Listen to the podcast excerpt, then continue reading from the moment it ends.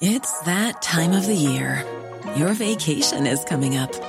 You can already hear the beach waves, feel the warm breeze, relax, and think about work. You really, really want it all to work out while you're away. Monday.com gives you and the team that peace of mind. When all work is on one platform and everyone's in sync, things just flow wherever you are. Tap the banner to go to Monday.com. There's never been a faster or easier way to start your weight loss journey than with PlushCare. PlushCare accepts most insurance plans and gives you online access to board-certified physicians who can prescribe FDA-approved weight loss medications like Wigovi and Zepbound for those who qualify. Take charge of your health and speak with a board-certified physician about a weight loss plan that's right for you. Get started today at plushcare.com slash weight loss. That's plushcare.com slash weight loss. plushcare.com slash weight loss. Planning for your next trip? Elevate your travel style with Quince. Quince has all the jet setting essentials you'll want for your next getaway, like European linen, premium luggage options, buttery soft Italian leather bags, and so much more. And is all priced at 50 to 80% less than similar brands. Plus, Quince only works with factories that use safe and ethical manufacturing practices. Pack your bags with high-quality essentials you'll be wearing for vacations to come with Quince. Go to quince.com slash pack for free shipping and 365-day returns. Men vi kan säga så här, eh, vi, vi, vi spelar in ett alternativt intro här och nu. Eh, det här är någonting vi ska börja göra eh, framöver för övrigt också. Det här ska vi prata om på nästa möte. Du klipper inte bort någonting av det här Magnus. Vi ska inte ha något jävla möte för vi har redan gjort det på ett möte. Kan du Vi ska ha så otroligt många möten. Åh, Okej, här kommer introsången.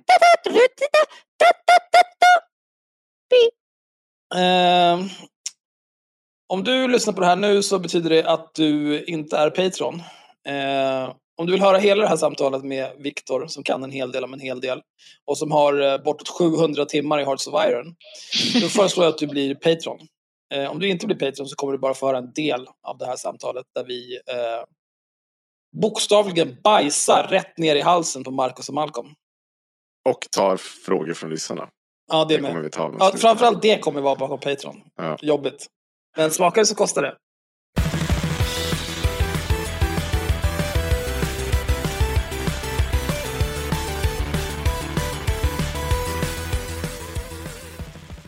Innan vi kör igång där, så jag, jag skriver några textrader bara för att jag ska ha något att komma ihåg det. Som jag tycker kanske är värt att yttra från vår sida. Nu vet jag inte om jag talar för mina eh, psykotiska poddkollegor. Men jag, eh, eh, jag blir extremt illa berörd när jag sitter och ser på de bilderna som kavlas ut från Ukraina och mår riktigt jävla dåligt av att se det. Det är konstigt att man inte har blivit eh, mer berörd tidigare när man ser från de här krigszonerna. Det är väl för att man har en inneboende liten rasist inom sig som bara liksom inte kan relatera till det där skiten. Men oaktat det så är vi ju en satirpodd och idag kommer vi eh, tramsa och flamsa en hel del kring kriget. Men det betyder inte att det här är någonting som inte berör oss eller på något sätt liksom man mår skit av. Eh, jag ser också de här människorna alltså som äcklar men ofantligt mycket. Och vi kommer ju återkomma säkert till några av de personerna som eh, nu lajvar någon typ av flyktingräddare för att de tycker att ja, oh, here's some white people har det jobbigt. Då kan vi rycka ut. Men nu finns det i närområdet och hej och hå. Och det där äcklar mig också något alldeles, alldeles jävla ofantligt. Det är samma bomber som ramlar mot olika typer av människor. Det är lika jävla jobbigt om du sitter i Afghanistan, Syrien eller Ukraina. Det är inte jättekul att sitta kvar där. Och hur man beter sig mot de människorna som tidigare flytt här till Sverige och beskriver dem som inte legitima flyktingar. Alltså, du skulle fan ha ett... Att du skulle skickas till månen om jag uttrycker mig diplomatiskt. Med det sagt så ska vi idag spela in ett långt avsnitt om Ukraina. Eh, vi kommer ta upp lyssnarnas frågor. Vi har fått skitmycket frågor. Åh. Och vi har eh, Viktor Strömgren, om jag inte minns ditt efternamn fel. Vill ha det dubbel? Viktor Strömgren Lasell med oss. Som är en supermöp. Eh, eller som man också kan uttrycka faktiskt någon som kan någonting om någonting här. Och så vi som kan rätta oss när vi sitter och svamlar som Malcolm Shieni gör. Eh, men vi ska återkomma strax till det. Och vi ska ha ett avstamp idag i just Malcolm Shienes och Marcus Allards podd. Som de, vad jag uppfattar, spela in, måste spela in på lördagen eller söndagen efter att kriget drog igång. Och de har en hel del heta tagningar. Men anledningen att vi utgår därifrån för att om man besvarar mycket av det de sitter och svamlar om i den podden så besvarar man också många av de frågorna vi har fått in. Men också så kan man påvisa hur eh, propagandan om den ryska propagandan om kriget i väst faktiskt ser ut. För den ser inte ut som på rysk statstelevision där man inte ens får nämna att det är ett krig. Utan den ser ut på ett sånt sätt där man hånar Ukraina. Man eh, pratar demoraliserande om deras försvar. Man påstår att liksom, de inte har i princip ett svar. Att det är bara en korrupt stat och hej och hå. Och det där kommer vi återkomma till. Men eh, med det sagt så kanske Axel vill berätta vad det är för dag och vilka som är här. Det är en dag som alla andra, vi är samma idioter som alltid. okay. ja, ja. Oj då. Ja, nej, men jag, vad ska jag säga? Det är så otroligt sjukt. Nej, det är, det är en söndag. Eh, jag heter Axel, Sanna är här också. Du heter Henrik och så Viktor. Jag vill spela WoW. Nu kör vi. Ja. Och så Madde här som sitter och flåsar i bakgrunden också. Men hon kommer inte höra någonting av. Nej. Uh, men hon ville bara vara med och lyssna. Och Madde är då Viktors sambo. Det är så jävla sjukt att inte kunna vänta liksom ett par dagar. så jävla trasigt beteende. Hon, Axel, hon inflikar att hon är ju faktiskt Patreon. Vi är såna jävla enablers alltså. Det där är inte Det här bra, är alltså. ju... Ja. Hej Viktor. Förresten. Hej. Hej. Eh, säg, eh, du kan ju säga, du, jag har ju sagt ditt namn, men du kan ju berätta vad du faktiskt har för utbildning och vad det är, som varför du är här och varför du kan en hel del om en hel del. Ja, varför kan jag det här? Nej, men jag har ju, just nu så eh, är jag sista terminen på Försvarshögskolans masterprogram i krigsvetenskap. Eh, och så innan det har jag ju läst eh, militärhistoria, jag har läst statsvetenskap med inriktning mot säkerhetspolitik, vilket är mitt huvudämne då egentligen. Sen har jag läst lite Östeuropakunskap och så har jag varit aktiv i Försvarsmakten då i lite olika former sen 2009 har jag varit. Men då, Så att det är då, då, kommer, länge. då kommer min första fråga. Blir man riktigt bra på risk om man gör det här? Som du gör? Jag vet inte. Jag, jag är ganska kass på risk så det är väl... Jag spelar ju mer Accent Allies i och för sig. Så att då blir man väl, det blir man bra på. Men risk, ja, Vad, vad är krigsvetenskap egentligen? ja. Det är studier om krig egentligen. Vad är krig? Typ. Och sen så allt sånt här. Hur, hur krigar man? Hur går krig till? Varför vinner man krig? Varför förlorar man krig? När slutar ett krig? När börjar ett krig? Okej. Mm. Så om man till exempel är, om man sitter i olika typer av eh, sammanhang och uttalar sig om när eh, Kiev kommer falla. Ja. Då kan man räkna med att den personen har förmodligen läst en hel del krigsvetenskap. Som Ja, kan eller- läsa liksom Eller så är han väl civilingenjör.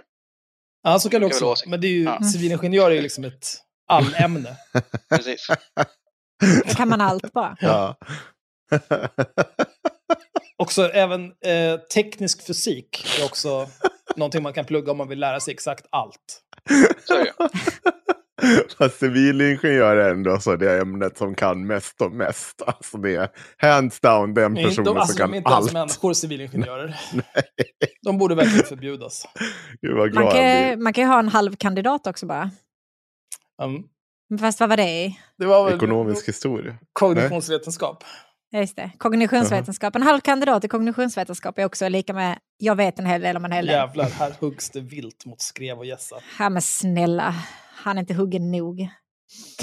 Ja, Ja, så i alla fall. Eh, Viktor är såklart här för att svara på lyssnarnas frågor. Men också, han har också eh, förtjänstfullt tagit sig igenom Marcus och Malcolms lilla podd.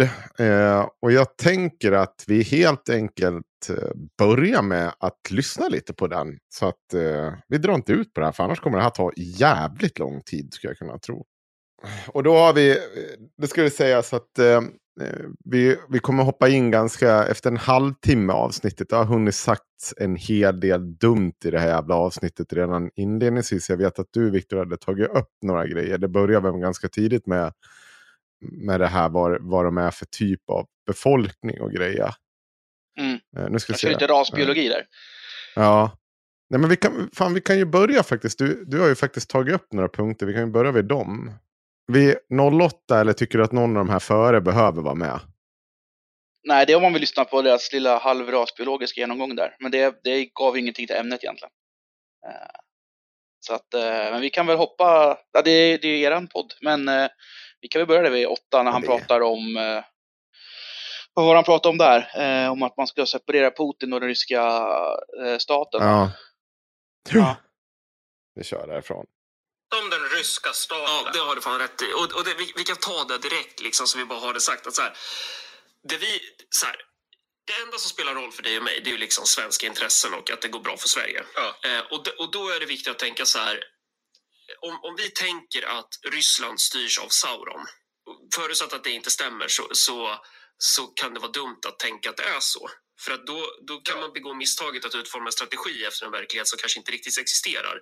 Alltså det, Och då vill man gärna förstå det ryska perspektivet. Och det ryska perspektivet är ju att de, de betraktar liksom Ukraina och, och typ Vitryssland, Baltikum till viss del, alltså forna liksom Sovjetstater. Dels har det geopolitiska anledningar till att de betraktar det som så, men sen har det också liksom historiskt kulturella anledningar att så här, det här är deras sfär. Vi kan börja med det där Viktor. Tycker du att det där stämmer? Är det verkligen det Putin menar? Är det när han sitter och svamlar om att Uk- Ukraina tillhör Ryssland på något så här jätte ja, men så här historiskt perspektiv? Stämmer det? Det är verklighetsförankrat.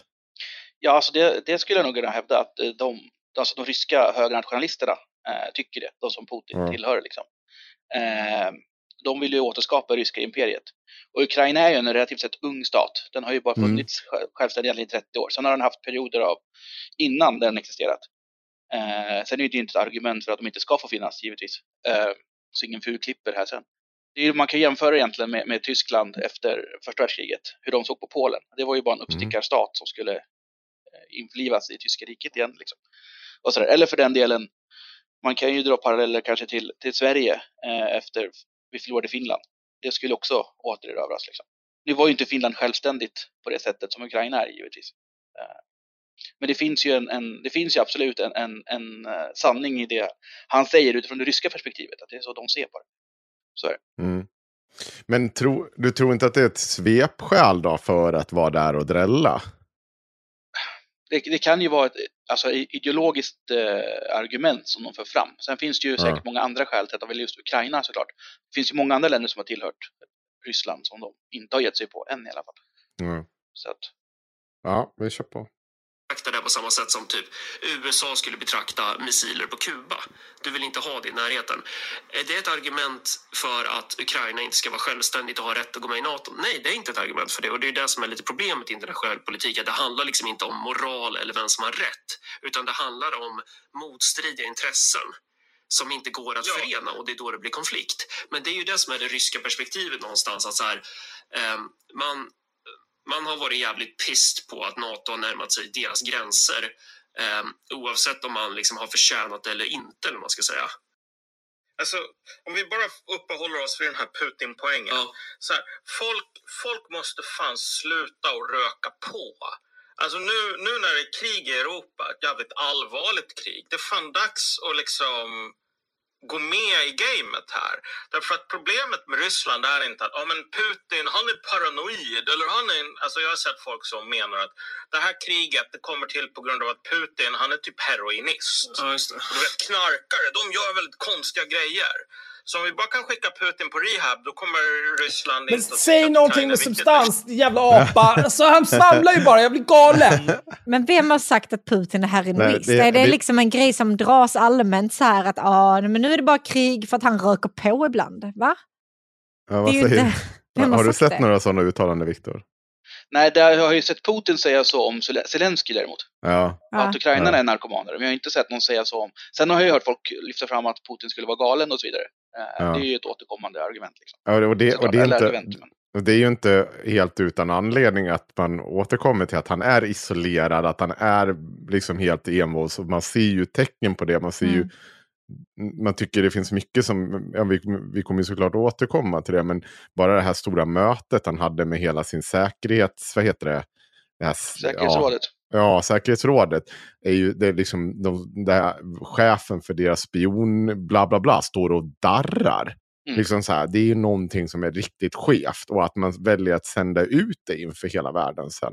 Det är Ja, också precis. tyder ju på att någonting, några spärrar har fallit. Ja, men precis. För det är ju så, Putin har ju varit, som jag förstår det, eh, varit väldigt rädd för corona. Det är han tydligen fortfarande. Det är Mm. därför han sitter på de här två, tre meter långa borden. Det ser ju tramsigt ut nästan. Men han sitter Mm. ju så här flera meter ifrån sina närmsta rådgivare. Och han har ju tydligen suttit isolerad hemma på kammaren. I självvald isolering. Och samtidigt så vägrar han ju vaccinera sig också. Så han är ju någon kombination av både antivaxxer och covid-rädd liksom. Eh, Perfekt. och sen så, så har han suttit där och läst böcker om rysk historia som är skrivna av mer eller mindre sunda människor liksom. Och byggt upp någon konstig världsbild som inte finns. Men det här med att han blir kallad galen också, det, det har väl också mycket med att göra att han startar krig och hotar med kärnvapen. Det är ju det är ju inte Mm. ett helt sunt beteende. Nej. Nej, Det- det är om jag gick ner, här, gick ner här på pendelstationen och började skrika om att jag skulle invadera inte, handeln och att atombomba dem om jag inte får som jag vill. Folk, jag skulle ju vara, sitta på psyket direkt. Det är inga konstigheter. Absolut. Absolut. Men sen är det också tror jag, ett sätt för oss att eh, försöka rationalisera, eller alltså förstå. För vi, det finns ju så här, som kallas för spegeltänk, så att vi försöker applicera vårat perspektiv på, eh, på Ryssland. Eh, och då blir det väldigt ologiskt kanske. Men samtidigt får man förstå att för dem är ju, de har en helt annan syn på kärnvapen till exempel än vad vi har. Det är samma sak som folk som gärna anser att till exempel Hitler gjorde irrationella beslut. Men det är ju för att vi har en annan rationalitet när vi tittar på, på dem, liksom. På andra världskriget och så vidare. Mm. Eh, hur ser eh, ryssen på kärnvapen? de har ju den här, det är, för dem är det egentligen en, en, eh, en maktfaktor. Det är, de ser det som en form av strategisk eh, utjämnare gentemot väst egentligen. För att speciellt efter att Sovjet föll så tappade de så väldigt mycket av sin militära makt. Så det enda de hade kvar som kunde hindra andra länder från att invadera i deras värld, det var ju kärnvapnen. Så de har ju det som sitt yttersta argument. Det är därför Putin håller på att dra upp dem och påminna hela tiden om att vi har faktiskt kärnvapen. Så försök inte liksom, ja vi kanske dör i högar i Ukraina, men vi har fortfarande kärnvapen. Så att ingen ska våga försöka, så att Sverige ska inte försöka sig på landstiga i Sankt Petersburg när ryssarna är upptagna någon annanstans. För att då bombar de bort Stockholm. Liksom. Det var ingen som ville göra det väl? Eller? Eller jag vill ju det. Så du får slut på den här. Men Precis. Det är väl ingen Men- som vill det, men ryssarna vågar inte ta chansen heller kanske. att risken Men finns. Malcolm och Marcus poäng var här att det här är alltså inte någon typ av... Att Putin inte gör detta för att han är paranoid. Eh, och då antar jag att de menar på, för jag, alltså jag, kan, jag kan ju ingenting om det här så jag vill liksom inte sitta här och låtsas som någonting, men att in, tidigare och under tiden som det var Sovjetunionen till exempel så hade eh, Ryssland då ett mycket mer fördelaktigt alltså övertag med, med gränserna var de kan gå någonstans. Och nu i och med NATO så har de flyttats närmare och närmare Ryssland och att det är just där det är öppet mellan Ryssland och NATO där det i så fall hade krigats. Det är mycket mer fördelaktigt för NATO nu. Och det var i Rysslands fördel tidigare. Men är det liksom inte så att han, alltså att han känner sig trängd eller vad? eh, Alltså om man ska ta, om vi pratar alltså logisk förståelse, för inte moralisk förståelse, så, Mm. men de, eh, om man tittar i deras historia så har liksom huvuddelen av krigen utkämpats i Centralasien och Kaukasus, men de blodigaste krigen har utkämpats mot Europa. Ja. Eh, och liksom, från andra världskriget egentligen så har de som haft som doktrin att aldrig mer behöva vara på strategisk efterhand så att säga. Eh, Mm. För de ville aldrig behöva stå vid Moskvas portar igen och försvara sig. Precis. Eh, och därför var det därför Stalin gjorde som han gjorde med alla satellitstater i Östeuropa. För du skjuter hellre sönder Polen än, än Ryssland. Liksom. Mm. Eh, så och det är det som jag kallar för lite armlängdsdoktrinen. Du vill alltid, du vill alltid hålla fienden någon annanstans än på ditt Ja. hemland. Liksom. Precis. Och, och då är det ju så att eh, sen om ryssarna faktiskt uppfattar NATO som aggressivt eller inte, det är jättesvårt att svara på. Nu, är ju inte, nu finns det ju ingenting som tyder på att NATO skulle vara aggressivt mot Ryssland. Mm. Eh, men samtidigt, de kanske inte vågar ta den chansen heller. Så i deras perspektiv så är det klart att om, för nu har de redan förlorat Baltikum så att säga, i deras perspektiv. Och då är, det, Mm. då är de livrädda för att Ukraina också ska falla. Eh, för den, liksom, inkorporeras i så att säga, den amerikanska sfären. Liksom. Mm. Det vi är inne på nu med Marcus och Malcolm och det de börjar egentligen diskutera här. Det är ju det här som du återkommer till dina texter när du har skrivit no noter här i vårt dokument. Det är ju det här att eh, man pratar om realpolitik kontra liberalism eller liksom så här, det här moraliska aspekten av krig och sådär. Där de helt frångår tanken om moral och, jag menar, som man säger, moral och etik. Och bara prata om någon typ av realism som vi, ja, kommer visa sig gå i absurdum när de snackar om det. Jag, jag kommer ha ett, eh, ni ska få höra mot slutet ett litet klipp där hur, hur Malcolm ser på eh, de liksom mänskliga rättigheterna och folkrätten kontra att USA går in och fryser Rysslands pengar. Men vi, vi kommer dit senare. Jag tänker att vi, vi kör på lite. Jag kan hoppa fram eh, till eh, nästa punkt. för att det är lite... Sa han inget vettigt efter allt det där svamlet? Mm, nej, nej, men du, det är två timmar inspelning. Du behöver inte oroa dig av ovettiga saker vi kommer få höra på här idag. Men jag tänker hoppa fram till 15 minuter in när, eh, eh, när vi verkligen är inne och talar om just den här delen. Sagt att, att så här, det skulle vara ett argument för Ukraina att typ inte göra bu eller bä. Jag, jag, vill bara, jag, jag, vill bara göra det klart att det, det, är inte så här, det handlar inte om någon jävla moral eller vad som är rättvist eller så, utan i internationell politik då handlar det om makt och det är där det handlar om. Ja, och, det, och det är ju den centrala poängen här som också gör folk sura men som måste påpekas nu eftersom läget är så allvarligt. Det är så här att vem som har rätt och vem som har fel, det här är det värsta som väst håller på med. Moralisera sina egna handlingar och försöka moralisera sina motståndares handlingar. Det är slavmoral. Vad säger ni? Ursäkta? Det är slavmoral sa han där i slutet. Han menar som slaver, med... folk som bor ja. österut då. Mm. Jag antar det. Uh, jag, det är en väldigt konstig sak att säga. Känner jag spontant. Ja, men det är ju det här de börjar liksom prata om att moral inte är en grej. Och att det är bara dåligt att syssla med moral. Men ja, vi kanske inte ska gå in på det allt för djupt. Men det är ju liksom, moral är ju anledningen till att Malcolm fortfarande är vid liv. för han klarar sig ju inte själv.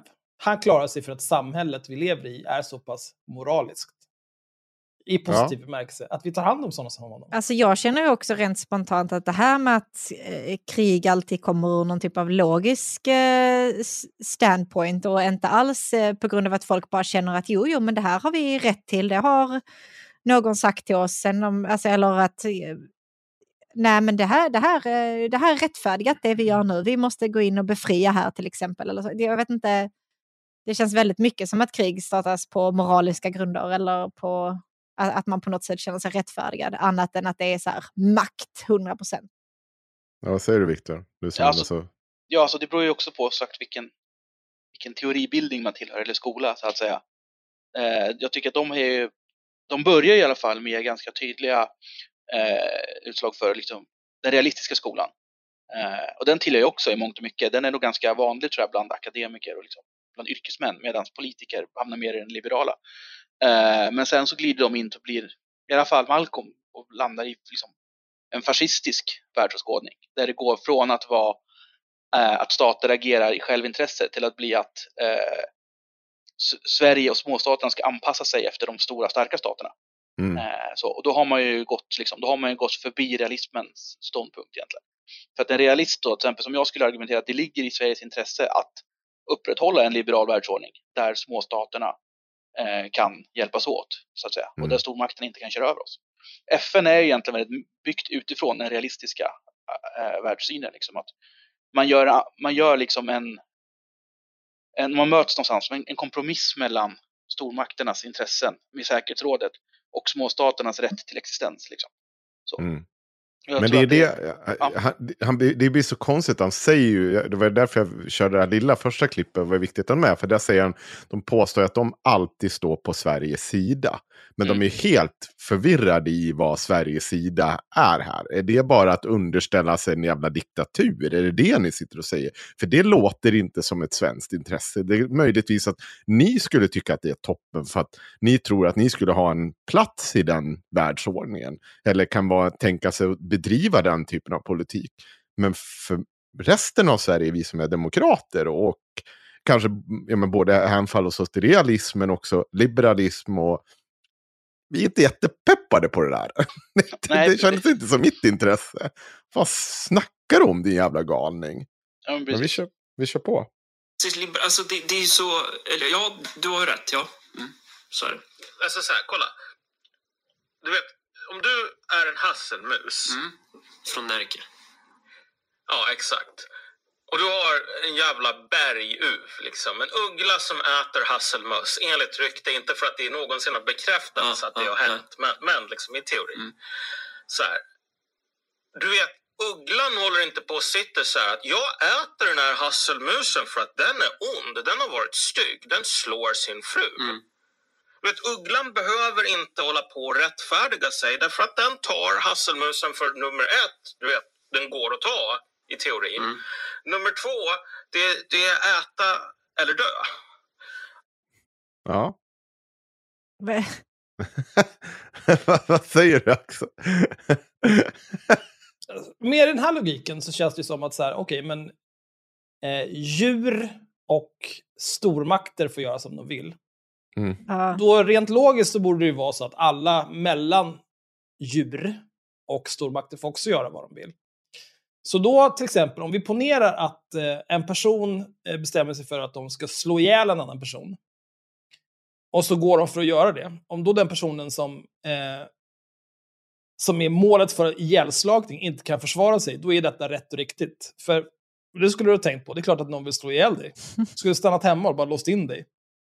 Det är inga konstigheter. Det finns ingenting vi kan göra åt det. Det finns ingen anledning till att försöka stävja ett sånt beteende. Varken i samhället eller liksom samhället lokalt eller globalt. Utan vi bara säger, nej men du, du, du hade med dig ett svärd, så då får väl du göra som du vill då. Vi gör så, vad bra. Ja. Så är, är det en värld där det kommer gå bra för någon som Malcolm? Om vi börjar med det. Snälla. Nej, men nej. Ja, vad säger Men du? det-? Jag Ja. tänkte det han, ugglan i den här ska väl vara, antar jag ska vara eh, Ryssland då, en metafor. Ja. Och det jag inte förstår, han säger i början där att som aldrig har, de har aldrig ätit en hasselmus, det påstås det. Eller vad är det, något sånt Mm. där, säger han. Ja. Då förstår jag inte hur man försöker stifta på att Ryssland aldrig anfallit ett annat land. Eh, om det, för det är ju ett propagandaspår de har kört på. Eh, och det stämmer ju inte. Är det har de därför de kör det här med special operations? Ja, precis. Plus att att i det Putins krig. värld, i Putins värld så var det väl upprorsbekämpning de skulle syssla med. Sen visade det sig att det var inte en upprorig delrepublik i Ryssland, utan det var faktiskt ett land som slogs för sin självständighet. Det är därför det kanske gått som det gått också. Ehm, sen var det, vad var det mer han sa där som jag reagerade på? Ja, nu tappar jag bort det, men det var ytterligare en grej där. Ja. Jo, just det, det här med moral de snackar om. Ja. Ryssarna för- försöker faktiskt motivera hela sin insats moraliskt Ja. också. De hävdar ju att det pågår ett folkmord i Ukraina och att eh, ukrainska regeringen är en förtryckarstat, fascister och nazister och narkomaner och allt vad de nu skulle vara. Så att de kör ju också på det moraliska argumentet Mm. för att motivera sin egen insats. Liksom. Så att det är ju inte bara väst som gör det. Liksom. Nej, men, men det är ju det här, det, hela det här skiten kommer handla om att vilken slagsida de har hamnat i.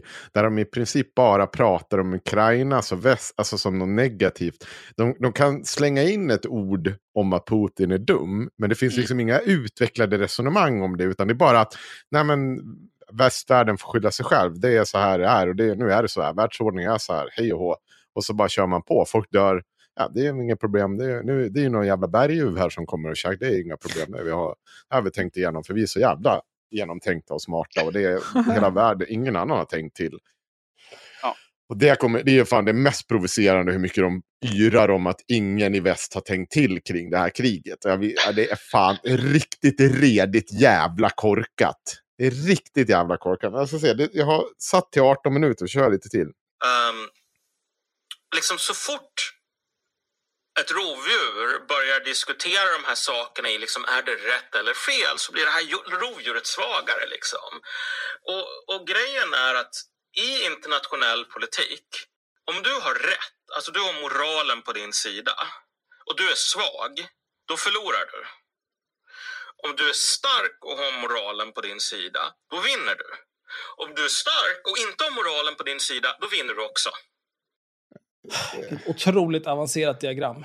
Ja, men, men på något sätt så, så ja, visst, han har ju en poäng. Alltså någon som är svag och har moralen på sin sida kan ju alltid förlora mot någon som är stark och inte har någon moral. Det är väl självklart. Men en så, ett sånt styrkeförhållande kan ju också bygga styrka hos motparten. Eller förlängningen eh, störta den här typen av verksamhet. Eller ja, som, eh, som vi faktiskt ser i, i eh, Ukraina-frågan. Inte bara i form av eh, att det faktiskt tillreser människor dit för att stötta dem. Utan den, det som jag tror inte någon riktigt hade räknat med. Att världsföretag över hela jävla världen helt plötsligt bara Nej, fuck you Ryssland, nu cancelar vi er. Nu är det cancel på er. 100% cancel. Alltså, och än en gång, vi kommer återkomma till det också. Det kommer, jag säga, det här det kommer nog vara det mest upprepade tjatiga grejen. Att vi kommer återkomma till saker. Men det, det är liksom så här, det är en brutal nedsläckning av Ryssland. Det, det kom, jag, jag tog upp det och Reinfeldt sa det. Alltså vad kommer Ryssland vara efter den här konflikten? Alltså de, de, det finns ju ingen väg tillbaka just nu. Förutom att liksom den ledningen, ja först den ledningen försvinner. Det, de kan inte återgå till att sitta och förhandla med en skurkstat, en mer, mer eller mindre diktatur som, som liksom gör så här på ett europeiskt land. Det kommer inte funka. Nej. Men sen, apropå det här med moral, vad fan, det finns ja. ju massor med jävla skurkstater som vi förhandlar med på alla möjliga sätt och vis. Saudiarabien och all möjlig skit. Ja. Eh, men apropå det här med moral och sådär, det finns ju en anledning till att det finns ett uttryck som är liksom den moraliska vinnaren. Eh, och Ukraina är ju den moraliska vinnaren här, eftersom mm. de inte har inlett ett anfallskrig mot en närliggande stat. Och att de är den moraliska vinnaren är ju också anledningen till att så många eh, utomryska företag och organisationer eh, inte bara reagerar utan även agerar. Och bara så här, nej men tyvärr, vi lägger ner all produktion i Ryssland, det här är för dumt. Mm. Så att liksom hela det här eh, moralargumentet från Malcolm är ju bara efterblivet. Han ville, ja, då ritar någon typ av diagram här med fyra kvadranter, men ingenting stämmer ju, allting är bara skräp och inget betyder någonting, som vanligt med Malcolm. Alltså jag blev så provocerad att han använder sig av den här liknelsen för att liksom få det att låta som att så här, ah, vänta, jag har stora svåra tankar, låt mig dumma ner det för er så att ni förstår. Och sen så är det bara absolut bajs som kommer ut ur hans mun och betyder ingenting och inte alls förankrad i det han försöker förklara överhuvudtaget. Och så är det bara han som låter dum istället. Och jag, jag blir så jävla provocerad. Har, om någon kan styrka det här så får ni 10 000 av mig. Jag tror Malcolm har nyligen sett eh, Troja med Brad Pitt. För det är Brad Pitt som är, spelar Achilles ska eh, duellera med Hector som spelas av, vem fan det var. Då Eric försöker han... Vem? Eric Bana har jag för mig där. Det kan det mycket väl vara. Vi säger Eric Bana. Men Eric Bana Hector, han drar något så här, ja, oh, nej, vem som än vinner så, så tycker jag vi ska, vi ska hedra förloraren, begravning och bla bla bla bla bla. Brad Pitt mår inte så bra för att han, han, Hector har dödat hans kusin. Och han har lite problem i huvudet, han har olika typer av daddy issues och så här. Det är mycket problem i huvudet på Brad Pitt. Eh, så det enda han säger är “Lions don't make pacts with sheep”. Och sen slaktar han honom och binder fast honom vid sin vagn och rider ett ärevarv runt Troja och pekar finger åt alla, sen åker han hem och mår skit. Men det, det är väl Malcolm i det här. Han är Achilles. Ja, han, ja, han önskar. ja, nej, men liksom. Ja. Vad ska man säga? Eh, eh, ja. eh, men vi, kom, vi ska hoppa fram lite. Eller hade du någonting mer att tillägga om det här, Viktor? Uh, nej, vi kanske kommer in på det lite längre fram, men det känns lite som det han sitter och säger där. Det påminner ju om, om man ska prata film, uh, mm. undergången, när Hitler sitter mm. i bunkern och raljerar om att uh, Eh, han säger någonting att apor sampar ihjäl alla främmande eh, element. Eller sådär. Mm. Eh, och det som gäller för apor måste också gälla för människor. Det är lite mm. det man tänker på när man hör honom sitta och prata om berguvar och eh, möss. Liksom. Ja. Så. Det ja, som det, gäller för djuren måste också gälla för människan. Ja, och det, det är en helt legitim jämförelse också. Folk kommer säkert säga, jag kan inte kalla honom nazist. Men det är, det är det här, det är precis, vi pratar ju om det här i avsnittet när, han håller, när de håller på och yrar om realpolitiskt lösa, liksom att jag menar, invandrarkvinnor ska liksom steriliseras om de ska få bidrag. Jag menar, det här är så sinnessjuka ingrepp man gör i människors frihet. Som de, bara, eh, de, de, de gör det bara till någon typ av självklar logik. Där liksom, så, men så här måste det vara. De har ju nästan frångått egentligen, om vi ser realismen som teoribildning, Ja. som beskriver hur, hur man anser att världen ser ut. Kontra att de anser att men det är ju så här det ska vara. Det här är ju, Ja. alltså, de använder Det- det som någon form av rättfärdigande, medan jag till exempel skulle använda realismen som ett sätt att snarare förstå hur Ja. världen funkar. Medan de använder det för att säga att, ja men vadå, det är ju klart det funkar så här.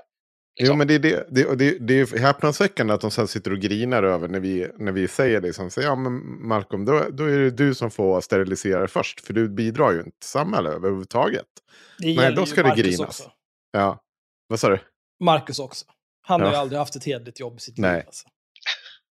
Ja, ja, men vi hoppar fram lite i, och när de börjar prata då om hur det här ser ut med, för de har en jävla idé om det, att det på, pågår en psyops från Ukrainas sida, eller kring Ukraina. Och att det, man pratar inte från rysk sida, utan man bara pratar enbart från Ukrains sida.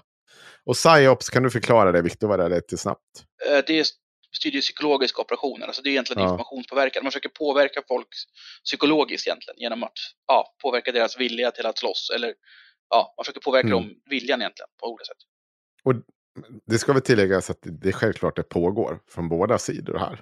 Men vilka det är som egentligen har övertag eller som, som kan ha muskler där i den frågan, det tror jag det är nog Ryssland. Utan ja. Och sen ska man ju komma, och det är andra grejen också, så här, det här är 2022. Varenda jävla människa har en smarttelefon. Det, liksom, vi kommer ju se det här kriget övervakat på ett helt annat sätt mot vad vi någonsin har gjort tidigare. Och lägg där till väl att Elon Musk körde väl dit sina jävla satelliter så att de ska ha internet under hela kriget, även om det, eh, det går ner. Åh Ja. gud. Ja, men det missade för övrigt också Malcolm. Han hånade att eh, Zelensky bad Elon Musk om hjälp. Förmodligen i tron att han, Malcolm trodde att han försökte få någon så här eh, uppmärksamhet på Twitter. Bara. Men det han bad om hjälp av var, just att få Elon Musk att köra dit sina jävla satelliter så att de skulle ha tillgång till nätet även om Ryssland bombade bort skiten. Och det gjorde han ju också. Så det är ju sinnessjukt att sitta och vara så jävla raljant och stöddig när det faktiskt funkar. Han fick ju Elon Musk Men att det göra där någonting. också, jag, jag kommer inte ihåg vem det var nu, men det var någon som jag läste som så här, ja, eh, fri, den fria marknaden och kapitalism reder ut det här bara. Ja. Ska vi förlita oss på den fria marknaden och kapitalism för att människor i den situation som ukrainarna är i ska ha tillgång till internet? Nej, Ja. det ska vi verkligen inte. Det ska vi absolut inte göra. Åh, Men vi hoppar fram lite. Och det, det verkar pågå någonting liknande, alltså en jävla påverkanskampanj. Liksom som bara är till för att liksom trycka på vissa emotionella knappar i väst. Ganska, ganska fort efter jag hade vaknat då i, fan var det, var det torsdags eller fredags man vaknade upp på? Det var nog fan torsdags va? Det var väl då de, ja skitsamma. Ganska strax efter att de liksom inledde sin invasion så började det cirkulera ett eh, klipp. Och så är det ju ett klipp som, eh, som är på någon jävla dogfight, så här, flygplan som typ flyger på varann typ. Och några så här flyglarm som, som eh, ljuder.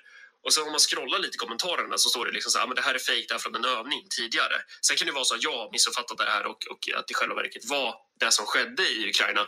Men bara någon timme senare så spelar ju TV4 upp det här klippet. Eh, och, det, och det är så här, just det här klippet kanske är, ja det kanske var äkta, men att, att den här typen av grejer, att det börjar ganska fort liksom cirkulera men om du eh, inte klipp vet, varför tar du det här som exempel? fronten, men som inte är det. Eh, För att man ska förstärka sitt narrativ. Du har bilder på Zelensky, alltså presidenten för Ukraina, som i övrigt är en jävligt intressant person. ehm, som, eh, ja, men han, han är liksom klädd i stridsmundering och så är han vid fronten. Det är bara det att så här, bilden är typ tagen i somras eller någonting. Det är mycket killgissningar för de här. Alltså, jag vet inte. Man ska komma ihåg att eh, där Malcolm påstår sig, han säger så här, det är en bunt blue checks som skriver de här sakerna. Alltså han, den här halmgubben han bygger upp. Och blue checks menar han då att det är någon som har ett verifierat Twitterkonto. Och då ska det vara något bevis för att det står, alltså att det finns Vet du vad man en massa påverkan. Om man har eh, en blue check på Twitter. Åh gud, Axel, snälla. Vad, vad, vad man då? Jag, jag, jag, jag tänker inte säga vad man egentligen är och vilka man egentligen tjänar, men man kan väl säga som så att man är en del av en elit. Aha. Och att man arbetar för globalistiska mål. Oj. Jag kan tycka att man istället för det där eh, blue checkmark, man kanske skulle kunna ha någonting som, jag vet inte, tre parenteser runt sitt namn. Mm. Det är bara en tanke. Det, det måste inte Ja. vara så. Nej, absolut. Eh, Antisemit-Axel. Är det, är det Men- jag som är antisemiten? Alltså, det är inte jag som sitter och pratar om globalister och eliter och... Nej. Nej men, men, men det är liksom, han kommer ju bygga upp den här halmgubben nu om att det här, det här är en utbredd sak. Och istället för att liksom, som, som vad det faktiskt är under krig. Det vill säga att det är ganska mycket overifierad information som cirkulerar. Och självklart kommer det komma ut krigspropaganda. Självklart finns det en, en, en stor faktor i att Zelenskyj är kvar i Ukraina. Att, att, de, att det känns, alltså att det påverkar folks vilja att slåss. Att han i- går och klädd i vanliga kläder, alltså liksom, så här, kamouflagekläder och sånt. Alltså det påverkar ju såklart. Men det, det här, det resten som kommer nu är ju ytterst svammel. Typ 2019 tror jag. Okej, mm. Den här propagandaoffensiven, alltså det är det, mest, det är det sjukaste jag någonsin sett faktiskt. Det är, det, alltså det är verkligen helt absurt. Alltså, det, du skulle inte ens kunna Snälla skulle beskriv varför Malcolm. göra en parodi som var galnare än, än det som pågår nu. Du har så officiella konton som lägger ut så här liksom som är, um, hur ska man säga, kopplade till den ukrainska staten. Som lägger ut så här bilder på, här sköt vi ner en MIG-25. Liksom, här har vi en video från när vi sköt ner en MIG-25 över Kiev. Och, och videon är från ett datorspel. Eh, Så här, vad heter det? Arma 3 med, med någon jävla mod liksom. Men var det, var det en Eh. officiell källa som gick ut med det? Eller var det något... Uh, då ska vi se, jag kollade inte det där. Det var i alla fall en jävla... Nej, jag, jag kollade du inte det inte Det var, först det var, det var en officiell källa, men sen kollade jag inte. blue check med hur många följare som helst. Men kan, kan vi Eh, pausa jag lite här bara? Ja. någon- Eh, jag tycker inte att det är så himla sjukt med så här, ja, det här det, det mest sinnessjuka psyops någonsin. De har använt klipp från senaste Battlefield-spelet och påstår att det här hände på riktigt. Jag är inte jätteimponerad av någon typ av försök till psyops som Malcolm kan genomskåda. Det intressanta är väl de sakerna som ingen genomskådar, eller som väldigt få genomskådar, eller som vi inte genomskådar förrän som flera år. Det är ju det som är intressant, inte den här uppenbara skiten. Nej, det är inte bra psyops i så fall. Men jag vet inte, jag, jag har inte spelat Hearts of Iron 5000 timmar, så jag har ingen aning om hur det egentligen går till. Mm, officiell mediekanal typ. Men liksom det är så här, ett datorspel. Eh, och så fortsätter det. Du vet, jag skickade ju en bild till dig innan vi började spela in.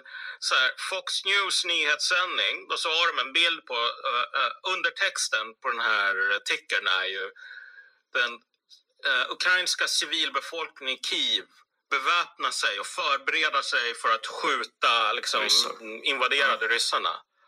Så kollar man lite grann på de där vapnen och så är de så här helt platta. De består av papp. Svart, svartmålade kartong, eh, kanske. Ja, exakt. Mm. Han återkommer ju till de här pappvapnen senare också. Men du har ju kollat upp det där lite, Viktor. Du har hittat vad källan är. Ja, jag snabbgooglar så jag kan ju ha missat Ja. någonting. Ska jag ju bara flika in. Nej, det, jag har sett, jag, nej, jag, jag har sett eh, det är samma bilder också. Eh, det är ju det är en övning som de har innan kriget bryter ut som eh, man, man håller på när det står, vad, vad, det står 150 000 ryssar på gränsen så håller de, har de liksom satt igång så här civilförsvar. Så de får väl öva och röra sig och då springer de runt med de här pappvapnen. Jag gissar för att de är kanske lite halvdåligt tränade om man inte börjar med att sticka ett liksom ja, ett live weapon i, i liksom händerna på någon som inte kan någonting. Jag, jag får väl anta att det är så man gör i armén, att det inte är det första som sker. Ja, nej, alltså. Eh, det är inte orimligt att man använder liksom en attrapp så att säga. Första man Nej. gör. Eh, eller liksom att man börjar med det. Eh, som för att lära sig hantera vapnet liksom. Det Ja. beror ju på, alltså ja. När jag gjorde lumpen så har jag aldrig, behövde vi inte göra det. Men vi var ju inte heller liksom, drog in folk direkt från gatan. Utan som det här kanske Nej. handlar om liksom. Utan det är ju ett rimligt första steg liksom. Så jag vet inte, jag, andra förband kanske gör så. Men, Ja. ja. Sen ska jag flika in Axel, jag, har- jag har 629 timmar på Hearts of Iron 4. Jag Ja, kollar det det precis. inte en sekund. Men du, kan du tänka dig hur många, kan du tänka dig hur många Malcolm har? Jag, alltså, anledningen till, för jag, eh, Malcolm satt ett tag på vår Discord. Och när han var online så var det alltid playing Hearts of Iron 2. Alltså 24-7. Eh, Sjukaste jag varit med om. Alltså. Men jag har också en annan kommentar här. Eh, Mm.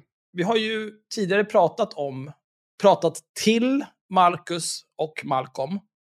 Och om Marcus och Malcolm. Eh, och sagt så här, fan, det, det skulle vara eh, spännande om, om någon av er var med i haveristerna. Så kan vi prata om alla de här sjuka idéerna. Då. Men nu när jag hör längre segment av deras podd och hör att de, trots att de är två personer som har poddat tillsammans i flera år, trots att de är i princip överens om allt de pratar om, trots att de spenderar all sin vakna tid med att prata om de här sakerna och trots att de har klippt sin podd själva, så består ju podden bara av att de svamlar osammanhängande flera minuter i sträck och sen kommer fram till en korkad poäng där de har fel. Så jag förstår ju nu varför de inte vill vara med, för de skulle ju verkligen bli knullade sönder och samman. Jag skulle kunna soloa de där två. Utan att tveka. 606. Sätt, sätt en Nej, ishacka mitt här, rätt i ögat på mig och jag tar fortfarande sönder de där två. En ishacka rätt in i frontalloben. Inga problem. Alltså, jag, jag, ah, jag vet knappt vem som är vem av dem. Ehm, men eh, jag hatar hans jävla röst alltså. Jag hade inte kunnat sitta och lyssna på det en längre period. Alltså, jag, Du får säga till sen när vi lyssnar på nästa vem, vilken röst du pratar om. nej, men du vet vilken röst jag pratar om. Nej, jag alltså, är jag vet vem jag hatar mest av de där två. Ja, nej, men det, är det inte Malcolms röst som är Jag den tror, värsta? ja, för, för mig är det det. Ja, precis. Alltså det, det, det, det är den jag tänker på. För Marcus är den andra. Men alltså jag, bara, jag kan inte... Jag kan inte... mm, Du kan inte. Ja, det skär. Det skär in. Och jag förstår att det här är stort för någon som, eh, som pratar skånska och sånt. Att det här eh, förmodligen tar emot i hjärtat på några som lyssnar här nu. Men alltså, som någon med trasig dialekt, fy fan vad han låter. Alltså jag kan faktiskt ärligt säga att Mm. sen jag lärde känna dig Sanna så har jag gått från att känna att Skåne det är någonting som ska jämnas med marken. Till att känna att Skåne ska fortfarande jämnas med marken, men vi kommer nog airlifta ut dig och dina närmaste först. För det är fan, fint. du är fan Tack okej. mycket. Tack så mycket. Och Ja, din tack. dialekt är Wow. också typ okej, men du får träna bort den sen när vi har förintat Skåne. Jag gör mig till nu. Alltså jag pratar mycket värre i vanliga fall. Ja, men det, ja, hej och välkommen till Dialektpodden. Idag ska vi prata om Ja. någon som kommer från Åh Närke. nej, fick inte Henrik hålla Men låda på det här minuter? Nu är blir han tjurig! Åh, vänta, nej, nej, tyst nu, låt, låt kuken prata. freestylar flera minuter, flawless, sömlöst innehåll, inga konstigheter. Tänk till Marcus och Malcolm försöka sig på det där. De skulle få hjärnblödningar och bajsa på sig båda två. Svagsinta jävla idioter. Jag har för övrigt tittat lite grann på deras Patreon. De har faktiskt gått upp nu. Senast jag tittade, det var många månader sedan, då hade de 104 Patreons. Nu har de 121. Det är en inte...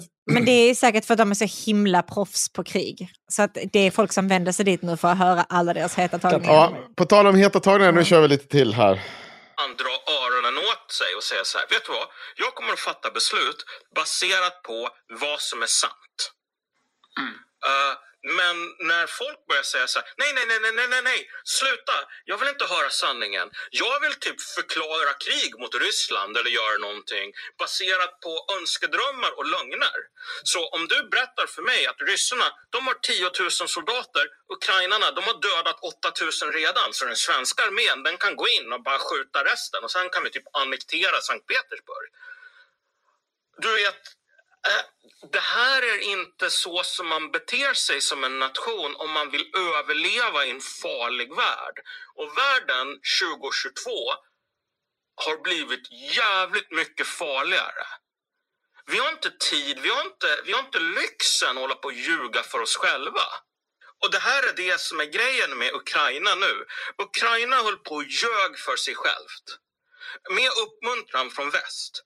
Gå med i NATO, vi kommer definitivt att släppa in er. Du vet, George Bush lovade att ni skulle gå med i NATO.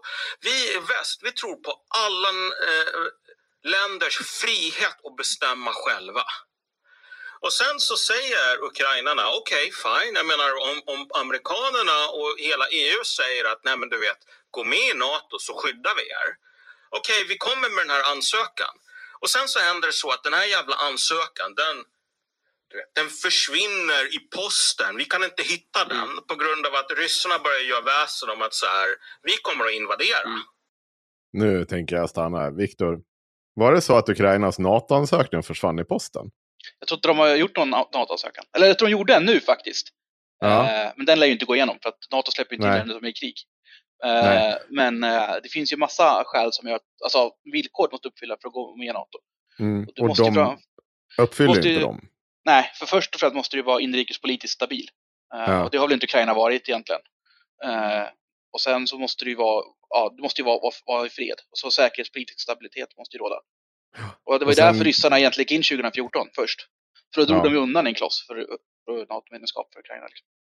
Men också så är det ju så att det finns ju lite så korruptionsgrejer och det finns lite andra så här. De har en hel del kvar att Eh, reda ut innan de får gå med i NATO. Det här har ju, det är ju ingen som påstår någonting annat. Att, jag vet inte vad de lever i för värld.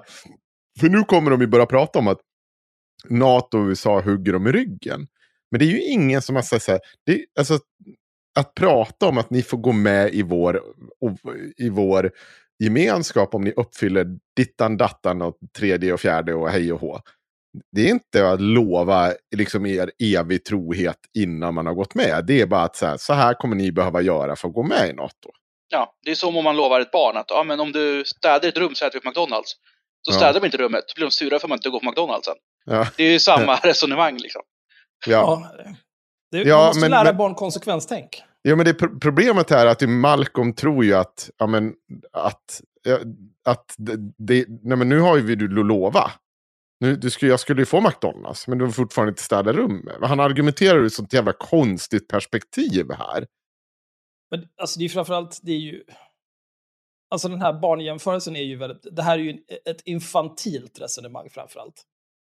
Det är klart det är mycket mer komplicerat än så som han framställer det. Jag fattar inte, om han nu är så jävla bright, eller vill vara så jävla bright, varför är han så dum? Ja, det För kommer är få höra mer om. Eh, du vet, och folk idag, det är så jävla äckligt. Folk håller på att säga så här, "Ja, men vet du vad? Det är helt okej att väst inte skyddar ehm, Ukraina. Ukraina. För de blev aldrig officiella medlemmar i NATO. Ja, men anledningen att de inte blev officiella medlemmar var för att ingen ville skydda dem. Nej, det, det är inte Va? sant. Det här är, så, det är helt Skyddet skulle väl bestå av NATO-medlemskap om något? Ja, Eller? och, och, ja, men det har ju ingenting med saken att göra. Han sitter ju bara och hittar på. Det här är ju inte, det är för att de inte uppfyller kraven.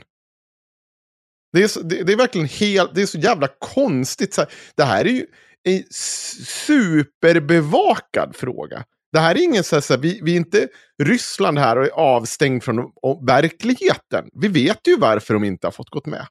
Det är för att de inte klarar av kraven. Vad, vad, vad håller du på att snacka om för något? Det här är att skriva om hela narrativet till varför man än inte är medlem. Man bara hittar på sin egen världs liksom bild av det här. Men det är också en del kan- egentligen i, i ryska propagandan också, som de har varit Ja. mot, mot, eh, liksom, mot Ukraina och egentligen mot Ja. andra länder som inte är med i NATO också. Att säga att de kan ju ändå inte skydda er. Liksom. Nej. Så. Men är inte en stor del att ingen har gått in och eh, jag vet inte, beskyddat Ukraina för att han är en galning som hotar med kärnvapen? Jo, alltså hade inte ryssarna haft kärnvapen så hade ju säkert eh, NATO eller väst gått in på något sätt i det här Ja. laget. Ja. öppet liksom. Det tror jag, absolut. Ja. Det, är, ju- det är ju klart en realpolitisk faktor bakom det också. Men, Men Å andra sidan, hade de varit medlemmar i NATO så är det ju en fråga om hade han vågat gjort någonting han. För man kan, man kan inte liksom bara låtsas som att Putin vågar göra va- varenda grej hur som helst heller. Det, för att man, det är ju ofta så det låter som i allmänna debatten, det är inte bara Malcolm, men det är som att Ryssland de kan göra vad som helst och eh, hur som helst. Men det är klart de inte kan heller. Det finns ju en anledning att de vågar ge sig på Ukraina, det är för att de de facto inte är med i NATO. Men hur... Men då kan man ju alltså, applicera det på alla länder som har blivit invaderade eller är i krig. Liksom. Att ja, men det här hade inte hänt om de var med i NATO. Var, Jo, så, så är det ju. Men, men Kina är inte med i NATO. De handlar ju inte om att gå in i dem när som helst heller. Det handlar ju om Kina har ju också stora är. Men också om han går in i Kina så kommer det ju vara på grund av att de inte blir godkända till NATO. Ja, 100 procent. Det är deras ansökan kommer Ja. ut i posten. Alltså det är exakt samma sak. Det var inga Men konstigheter. apropå det här med alltså, att väst inte går in på grund av hotet från Ryssland om kärnvapen. Eh, jag Mm.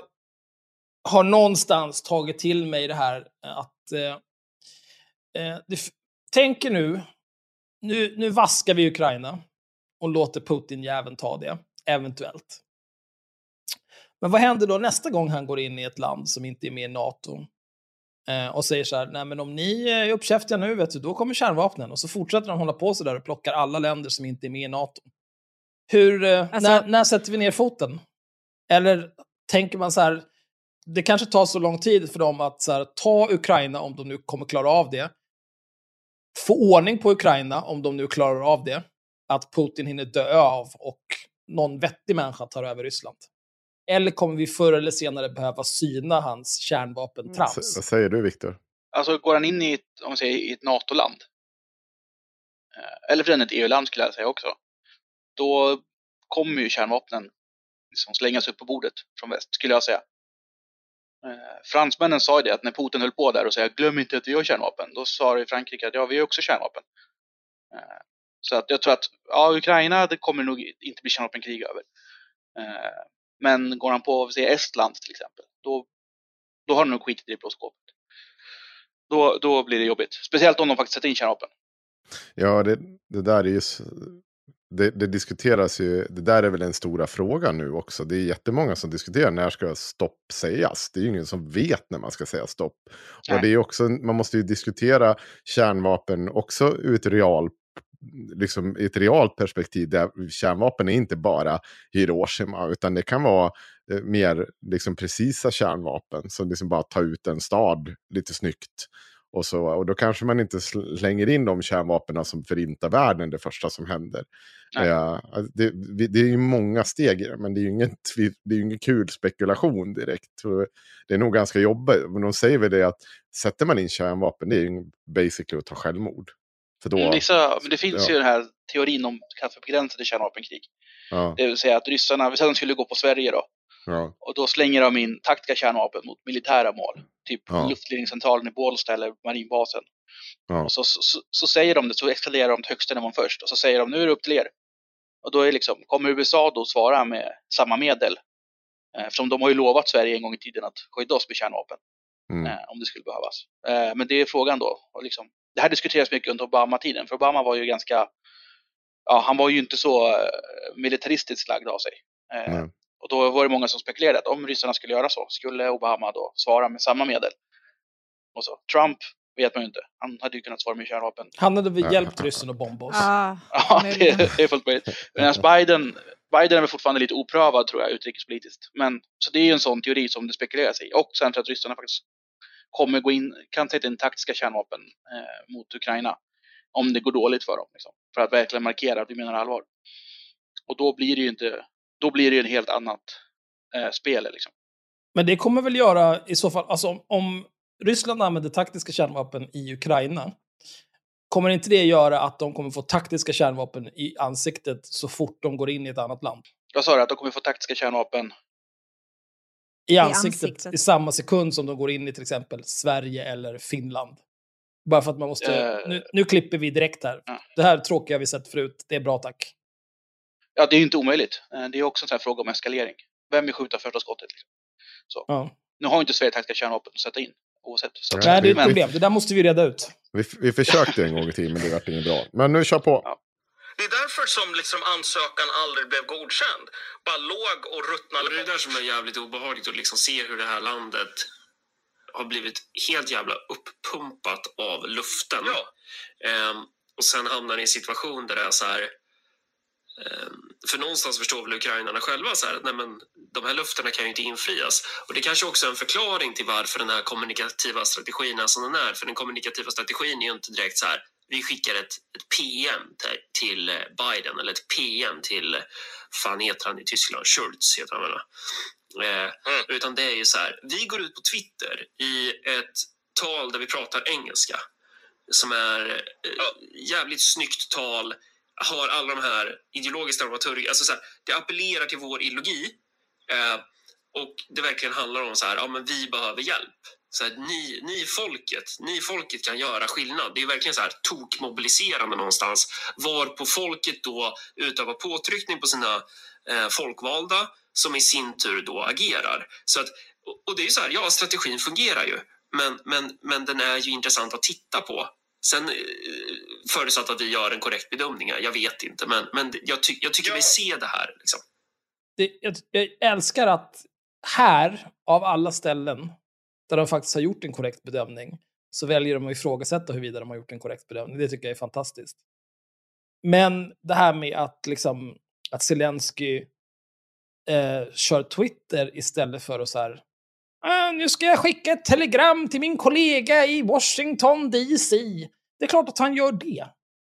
För att det handlar ju liksom om att det är ju, man, han, som vi pratade om förut, han, Ukraina måste ju framstå som den moraliska vinnaren. För, och det här är ju liksom en typisk David och Goliat historia. Så fitt Ryssland Many of us have those stubborn pounds that seem impossible to lose, no matter how good we eat or how hard we work out. My solution is PlushCare. PlushCare is a leading telehealth provider with doctors who are there for you day and night to partner with you in your weight loss journey. They can prescribe FDA-approved weight loss medications like Wagovi and Zepbound for those who qualify. Plus, they accept most insurance plans. To get started, visit plushcare.com slash weight loss. That's plushcare.com slash weight loss. Quality sleep is essential. That's why the Sleep Number Smart Bed is designed for your ever evolving sleep needs. Need a bed that's firmer or softer on either side? Helps you sleep at a comfortable temperature? Sleep Number Smart Beds let you individualize your comfort so you sleep better together. JD Power ranks Sleep Number number 1 in customer satisfaction with mattresses purchased in-store. And now save 40% on the Sleep Number limited edition Smart Bed for a limited time. For JD Power 2023 award information, visit jdpower.com/awards. Only at Sleep Number stores or sleepnumber.com. äckel-Putin beter sig som apor mot stackars Ukraina som bara vill vara fria och leva sitt bästa liv. Det passar ju perfekt för Twitter. Och det är väl inget konstigt att han använder det så. Och jag kan också tänka mig, om, om vi går tillbaka och lyssnar på alla avsnitt av den här skitpodden under de år som Donald Trump var president i USA, hur många gånger kommer vi få höra dem grina över att Donald Trump använder sig av Twitter?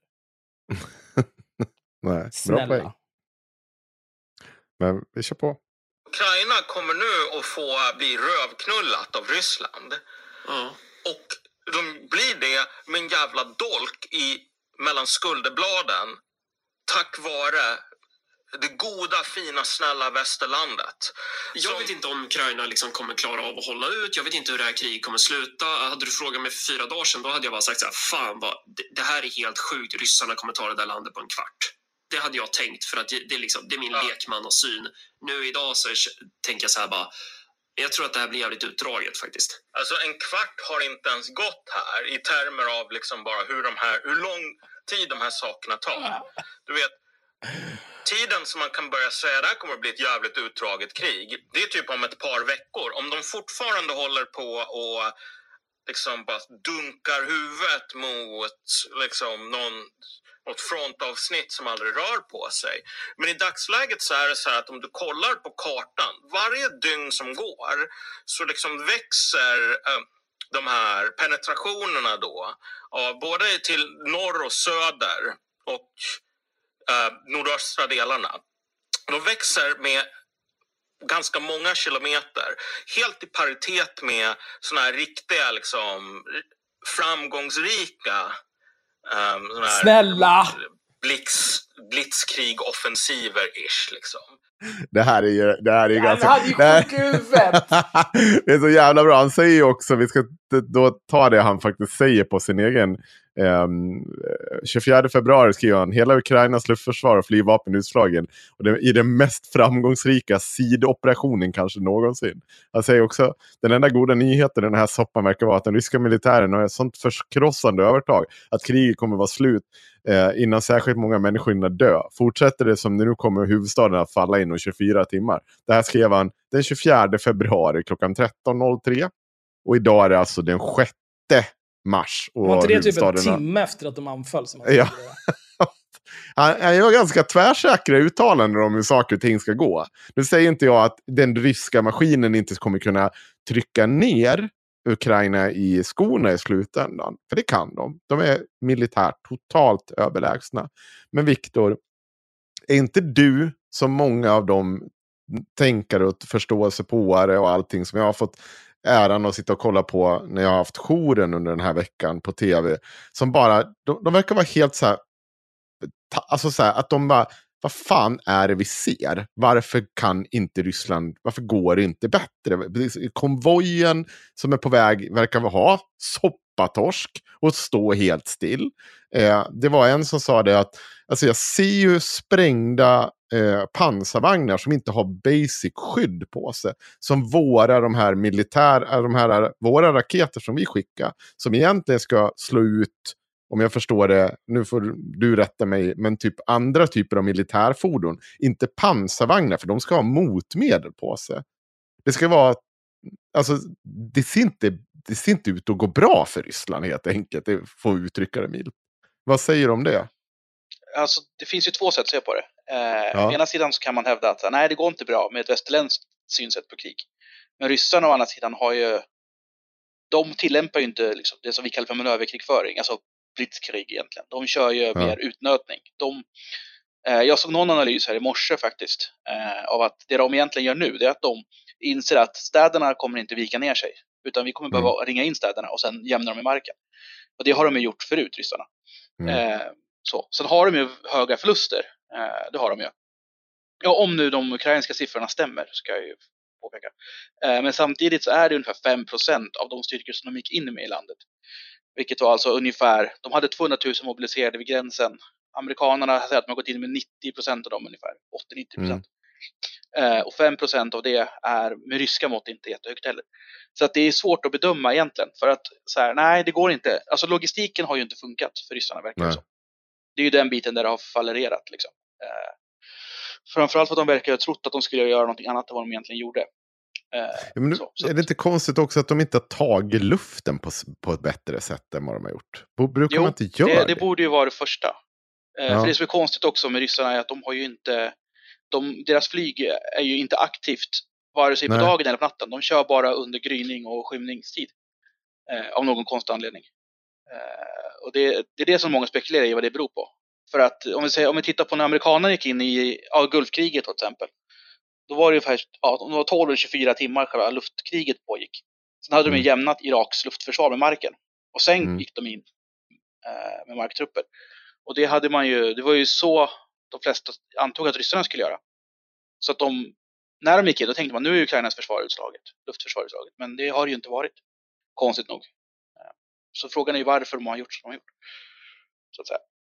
Axel, vill du säga något om det? Nej, jag bara tänkte tillbaka när vi pratade om det här med air superiority, som vi säger i branschen. Va?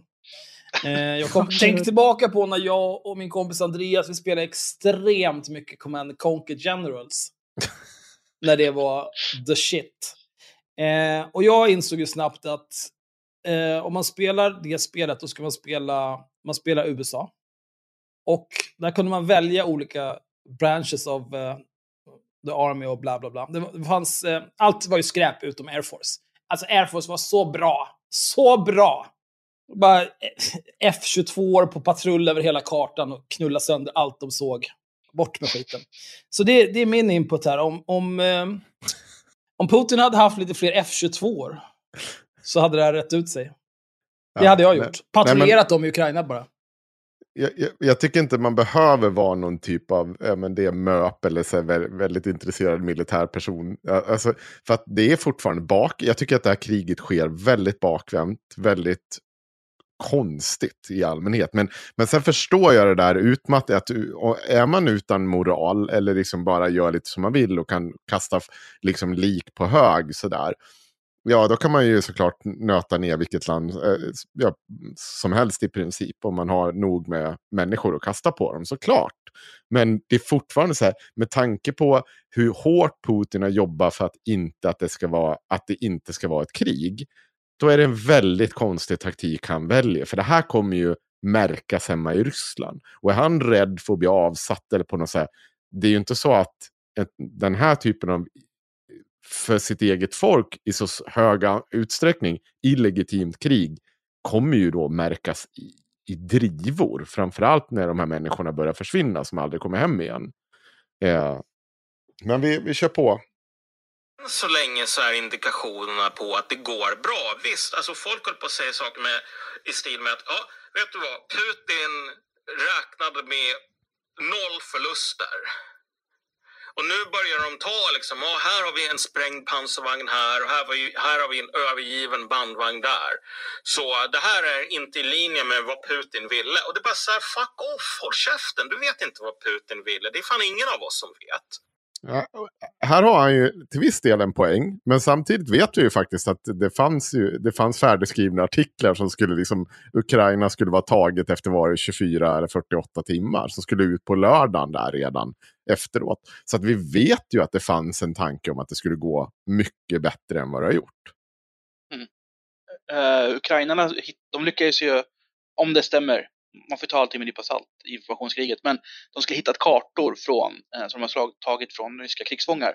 Mm. Och enligt de kartorna så skulle själva kriget tagit över 15 dagar räknat med. Mhm. Så att eh, det är det som är intressant. Det kan ju vara så att militären har haft en helt annan bild. Men man har Mm. delgett Putin en mer positiv bild för att det är ingen som vill. Antingen att han lyssnar på vad de säger och säger gör det här bara. Framåt, framåt. Och så får de bara nicka och le liksom. Eller så är det något annat som spelar roll. Det är svårt att svara på. Liksom. Nej. Så liksom, och det är också en sån där farligt önsketänkande. Liksom. Det, det får man får säga, det, vi vet inte. Vi har ett par indikationer här. eh, och de indikationerna, det är inte bra grejer. Det ser inte bra ut för Ukraina. Och deras beteende här är liksom vad de kommunicerar till väst om man läser mellan raderna. Det är ganska psykotiska grejer. Så här, Ukraina har nu sagt um, att typ, de har ju den här totala mobiliseringen så alla som är mellan 18 och ehm, um, 60 är liksom förbjudna från att lämna landet. För de ska spöa ryssen. Och så liksom, jag såg ett, ett tweet då från försvarsministeriet som sa vi har avskaffat alla åldersgränser för att gå med i milisen. Om du är 13 år, kom hit så ska du få lära dig hur man besegrar en rysk pansarvagn.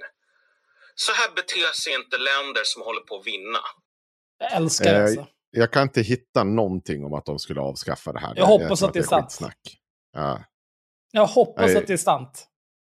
Alltså varje sån, varje stat som fattar den, den typen av beslut för oss närmare vårt galaktiska imperium. All, alla ska bara rakt ner i köttkvarnen. Vi har ett syfte, det är bara att köra. Ut i rymden. Sen måste vi ju reda ut allting här först. Men det, Mm. Men nej, jag kan inte hitta någonting som tyder på att Malcolm, att det där är verklighetsförankrat. Det, än en gång är det någonting han har sett, påstår sig ha sett, men man får ju aldrig se vad det är han ser. Han berättar ju bara om det. Och jag tror att det är mycket fria fantasier där. man kan säkert skriva till honom och be honom källhänvisa. Ja, han blir skitförbannad på folk som gör det. Jaha. Också sett, han blir tokig. Han bara sitter och dumförklarar. Han har inte tid att ta sig an de människorna som Han, är, han skulle är så dumma. här ska du få ett tips Malcolm. Gör så här när ni planerar inför avsnittet som ni ska göra. Ni, ni sitter väl säkert och så här, snackar med varandra. Vad ska vi ha för ämnen och sådär. Gör så här, öppna ett Google Doc och så kopierar du in de länkar du vill prata om och hänvisa till. Och sen när du Mm. skriver avsnittsbeskrivningen, då kan du lyssna igenom avsnittet så kopierar du in de länkar som är relevanta och så kan du skriva en liten så här, här där vi pratade om att nu, får, nu kan du vara tre månader gammal och lära dig skjuta pansarskott i ukrainska armén. Då är det den här länken, här står det. Så lägger du det i avsnittsbeskrivningen bara. En grej man kan göra. Lallare! Mm. Viktor, vill du tillägga någonting? Nej, alltså det är som du säger, det, det finns ju, jag har inte heller sett något bevis på att det skulle vara så. Nej. Sen är det ju, alltså, det är klart att de, de är relativt desperata, för de möter ett land som har tre miljoner man i sina väpnade styrkor. Ja. Så att det är klart att de vill mobilisera så många de kan för att möta det också. Eh, och det är ju inte som att, det är inte som att Ukraina kommer uppnå slutsegern imorgon liksom, heller. Ja. det. Och det, man, man kan se det överlag i Malcolms sociala medier också. Att han pratar om där han kan hitta spår efter krigsbrott och sådana här liknande saker som skulle utmåla dem som klandervärda. Han bara pumpar ut det. Men det finns Mm. inte ett enda jävla ord om Rysslands krigsbrott hittills. Det, det finns inte. Det är bara, Nej. det är inte en grej. Alltså, ukrainarna är ju lite osköna sådär med... Eh, när de håller på att filma liksom, tillfångatagna ryssar och sånt där. Ja, kan, ska du ringa till din mamma? Mm. Lugna ner dig. Skjut honom i huvudet Men- istället, det är väl bättre. Det ska ju också tilläggas en- än en gång. Det här är en person som skriver för Göteborgs-Posten, eh, Dagens Samhälle. Eh, sitter i förtroenderådet för eh, tankesmedjan? Oikos. Ja. Eh, det är liksom så här, det är en person som, det blir så jävla konstigt. SD sitter liksom och skickar pengar via Oikos till den här människan och samtidigt som de säger att de stödjer Ukraina men så sitter det någon i ett förtroenderåd på den här tankesmedjan och bara snackar skit om hela Ukraina och bara liksom sprider information som egentligen bara går ut på att totalt ja, demoralisera allting kring det landet. Eller hur man uttrycker sig. även, Ja. Men eh, vi ska hoppa fram lite igen eh, och eh, också gå in i ett litet längre klipp. Det här är totalt, det har tagit ut, eh, jag tror nästan tio minuter. Oj. Eh, och Oj. det handlar lite om hur han beskriver Ukraina Åh. och Ryssland. Eh, så vi kör på esen som du och jag sitter och har här. Eh, och det behöver ju inte betyda att, att, att, att det är sant så. Men, men visst fan har det fått effekter ändå, verkar det ju som. Den, den andra grejen som jag, som, som jag blir jävligt misstänksam mot, ärligt talat. När jag börjar ana att det ligger en hund begraven. Det är alla de här, alltså den, den höga, den enorma viljan att skapa en, en väldigt så här, endimensionell bild av du vet, Slava Ukraina. Den ukrainska nationalismen är så jävla stark och den får alla liksom. Den här babushkan att, att förklara, vilja liksom offra sitt liv för att rädda Ukrainas nationella oberoende. Alltså du vet, du, du nämnde det här med Zelensky, liksom att han har en jävla sugar daddy och så vidare. Han, Alltså, han hade ju i alla fall, nu, nu, nu sitter han ju för fan Ja. på presidentposten, men jag, jag vet inte. Men det var ju, han hjälpte ju honom till makten om man säger så. Alltså den, den stora problemet här är ju så här att Ukraina, nummer ett, det är ett splittrat land. Det var det 2014. Det är därför som du hade Majdan. Ehm, därför att du vet, en president vann som typ hälften av landet inte tyckte om och så kuppade de bort honom. Men det betyder ju att hälften av, liksom, han blev ju president från början genom att folk röstade på honom. Va- va- Var det här verkligen, är det här en korrekt historiebeskrivning av Majdan? Är det någon som kommer ihåg? Nej. Nej, jag håller Det med. var Jag väl har en också förenkling. En förenkling. Det är inte bara en förenkling. Det, det var ju, handlar ju om att istället när den, den ukrainska befolkningen ville närma sig EU, NATO och, och hela den grejen. Så visade det sig att deras president började gulla med Putin. Och det tyckte man inte om. Det tyckte man verkligen inte om. Så det vart lite protester kring det. Och han blev till sist Mm. avsatt. Precis. Och man, det, är liksom så, det är så jävla sinnessjukt beskrivet. Han vägrade ju skriva på det här associationsavtalet med EU. Ja, Eh, enligt honom så var det ju, enligt vad heter han, Janukovic heter han va? ja, Eh, så var det ju för att, ja, antagligen för att ryssarna hade hotat att de skulle invadera om han skrev under det. ja. Det finns en dokumentär på SVT, eh, SVT. Play, där de går igenom det ganska bra tycker jag. Och det Mm. finns, där finns ju en antydan om att Janukovic skulle ha fattat det, att Putin lär väl ha sagt det till honom att om du skriver på det här avtalet, då är det vi som måste vidta åtgärder. Så Mm. att han gjorde väl det för att, ja, han hade väl en samma världsåskådning som eh, Malcolm här. Man ska anpassa sig efter den starka stormakten Mm. eh, och inte göra det man själv vill liksom. Men han var inte nödvändigtvis en horunge, han ville bara se till att allting var frid och fröjd och alla var glada. Liksom. Precis. ja det, det finns lite mer. det Ja, men Ja, inte nödvändigtvis på grund av just det. Ja. Han var lite mer ryssvänlig i allmänhet också om man uttrycker sig så. Jo, han var ju satt där för att, Mm. ja, han var ju, alltså, det var ju som att kunde ju inte få en president på plats i Ukraina om inte Kreml hade godkänt honom. Egentligen. Nej. Lite så. U-land.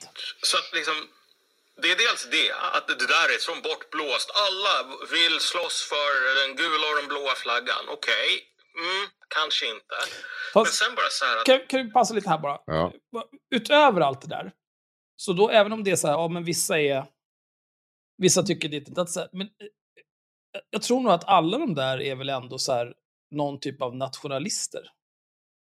Eller så här patrioter, eller vad fan man ska kalla det. Det går inte att säga varken nationalist eller patriot i Sverige utan att man direkt tänker på nazister. Men att det är typ så här, jag, jag tänker så här, jag, jag, kan, jag skulle kunna kalla mig själv för nationalist när jag känner så här, vet du vad? Eh, jag känner inte att eh, eh, jag vill ha ryska pansarvagnar som rullar omkring här ute och är fulla. Och jag vill inte lära mig ryska. Det är bättre om... Här är ju gränsen. Om ni stannar där så är vi här och så behöver jag inte slå ihjäl er. Det var, det var inga konstigheter. Det kan man väl tycka liksom, oavsett vem man röstar på. Att säga nej, och om man inte röstar på Alternativ för Sverige såklart, för de är ju landsförrädare allihop.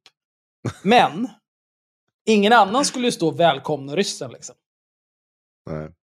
Och det tror jag gäller i Ukraina också. Att så här, även, ja okej, men jag röst, röstade på den här ryssvänliga jäveln. Men nu är ju ryssen här och rullar över mina kor med sina pansarvagnar. Vad är det för skit? Jo, men det är ju typ, eh, jag läste borgmästaren i Odessa, och han är ju tydligen väldigt eh, ryssvänlig. Mm. Men han har ju liksom gått ut nu och sagt att vi kan inte bomba min stad. Liksom. Han vill ju inte, han har ju ingen, ingen lojalitet med Ryssland så. Nej. Nej. Och det, och det, det gäller liksom, det är ju inte bara Ryssland. Det är samma här, jag, jag tycker att Hollywoodfilmer är jättebra. Men jag vill inte att de ska spela in den utanför min port. Alltså folk i väst måste sluta lura sig om vilket sorts land Ukraina har varit sedan Euromaidan. Korruptionen i landet har blivit värre. Ha, är det, det är tvärtom, är det inte? Det är tvärtom. Det är helt tvärtom. Eh, de hade, var på plats 144 och är nu på plats 122 tror jag det var. Något sånt där. Det är blivit en ganska bättre. bra ändring ändå. Och det är ju det är ju helt otroligt. Då har de, eh, ligger de en placering högre än vad Malcolm och Marcus, Marcus och Malcolm har antal patrons. ja, men, så att nej, det, det, det är precis tvärtom faktiskt, Malcolm. Det är det som är också så, så jävla sinnessjukt. Att han bara sitter och drar de här sakerna. Också så såklart total jävla ryss propaganda. Men det, det, Eh, det Men det är, ju- det är klart att ett korrupt land, det är delvis därför de inte är med i NATO. Alltså vi vet ju om det här, men de har blivit bättre, de vidtar åtgärder. Men det, Det är väl ingenting som man ändrar i Att ha helt fel på en Ja. sån sak, det är ju ett tecken på att man antingen är våldsamt inkompetent.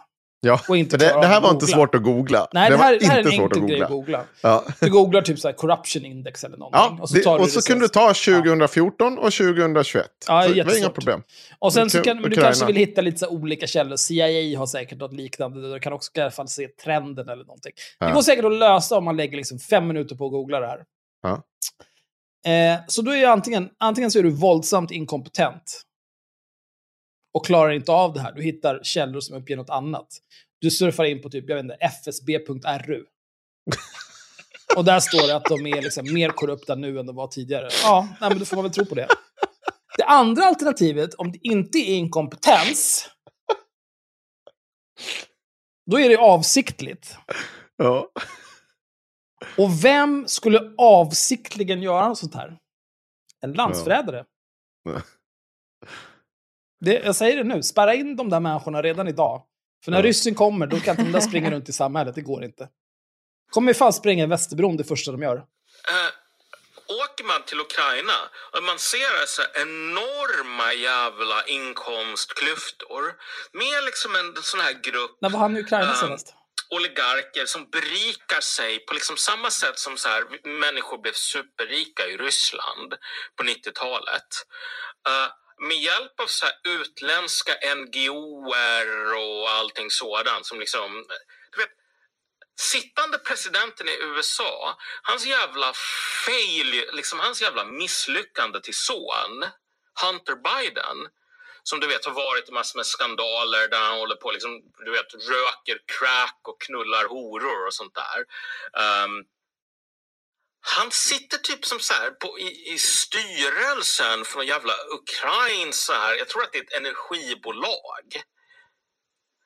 Den här snubben som typ inte har någon formell utbildning, som är en narkoman, som bor i USA, inte talar ryska, inte ukrainska eller någonting.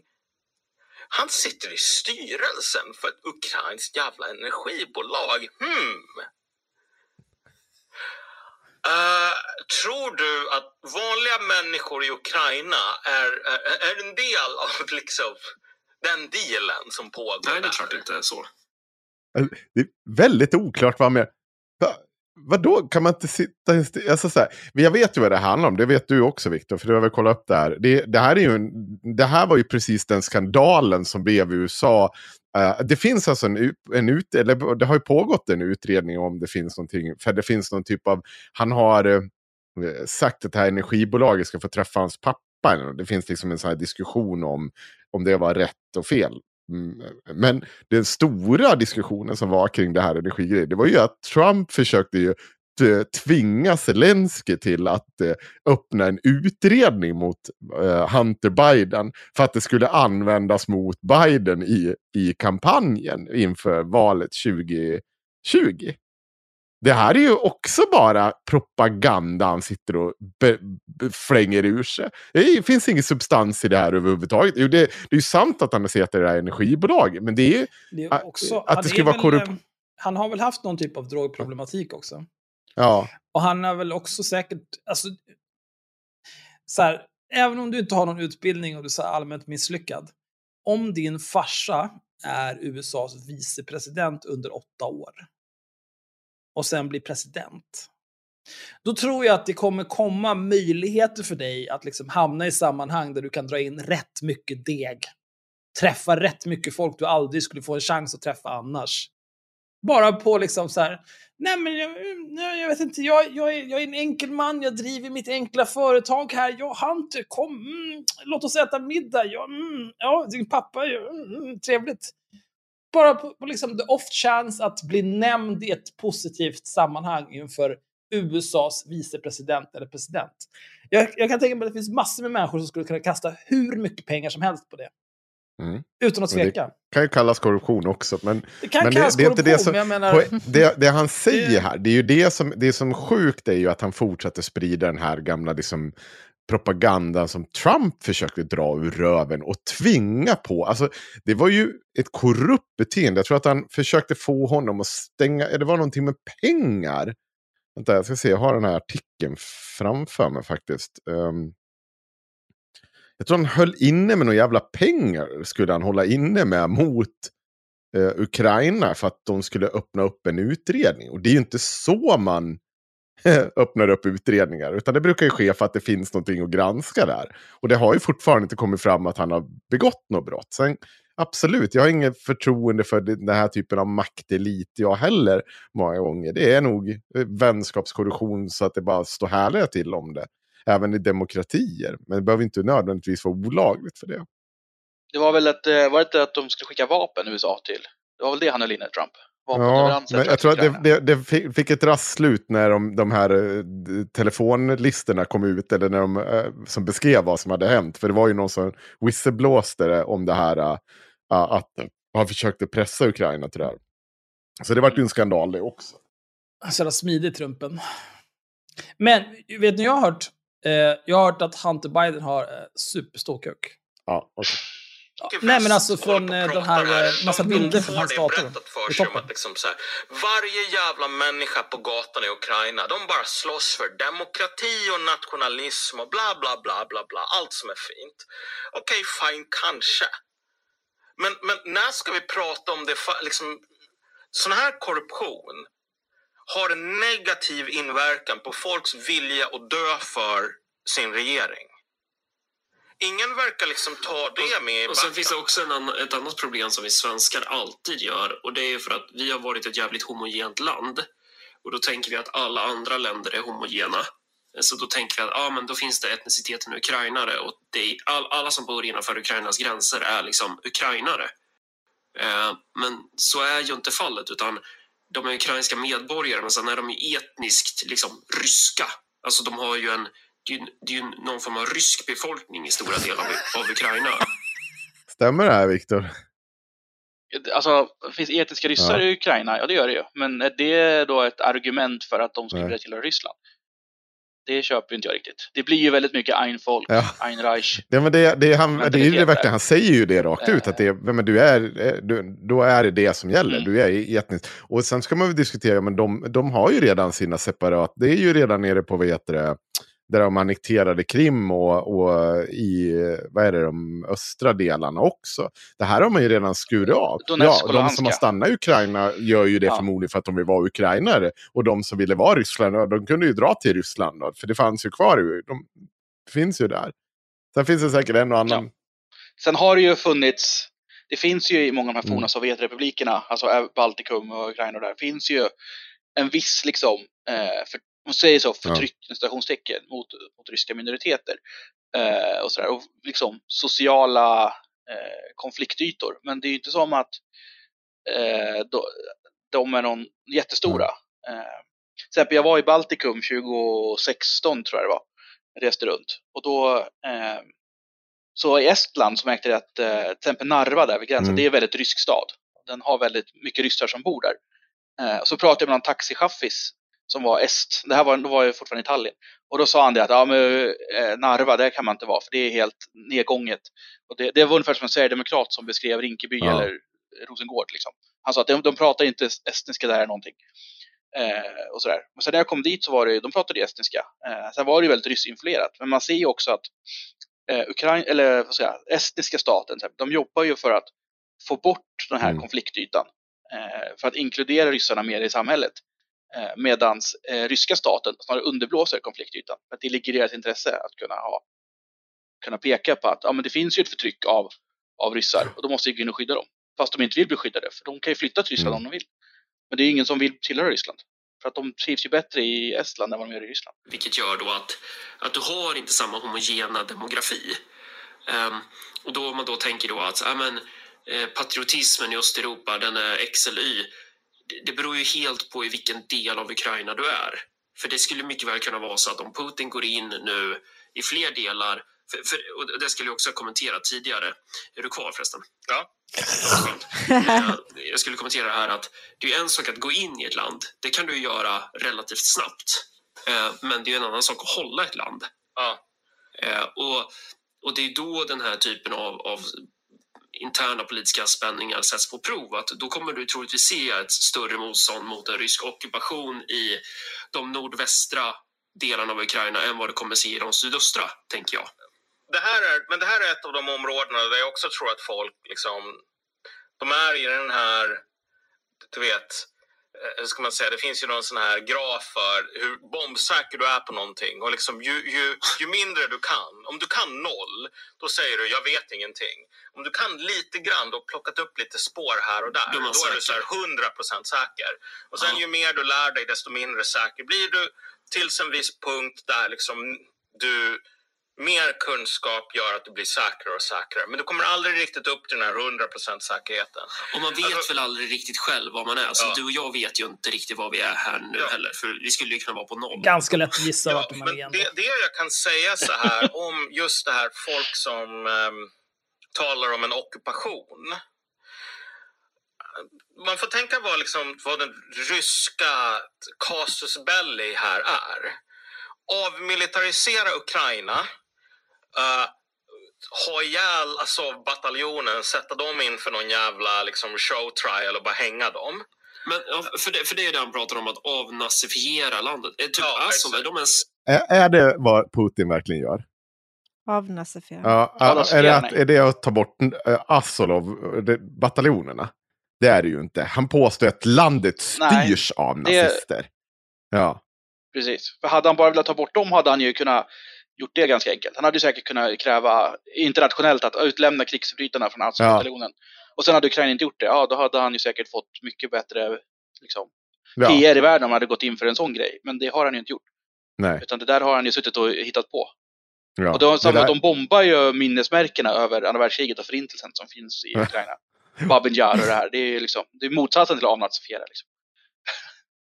Alltså, men, men också, Varför klippte de inte ut... Eh, är du kvar förresten? alltså jag förstår inte. Klipp det bara. Ja. Ja. Men jag tror inte de klipper så mycket. Var det liksom, var, var det de? De är väl, jag tror att de är i Mariupol, den staden. Vissa kanske har typ flytt, liksom. men, men du vet, om de blir tillfångatagna, de kommer inte bli behandlade lika bra som Milosevic ens är. Uh, utan det, de kommer att bli hängda för att de har hållit på och bränt folk levande och liksom dödat etniska ryssar och så vidare. Och det är liksom bara hämndaktion.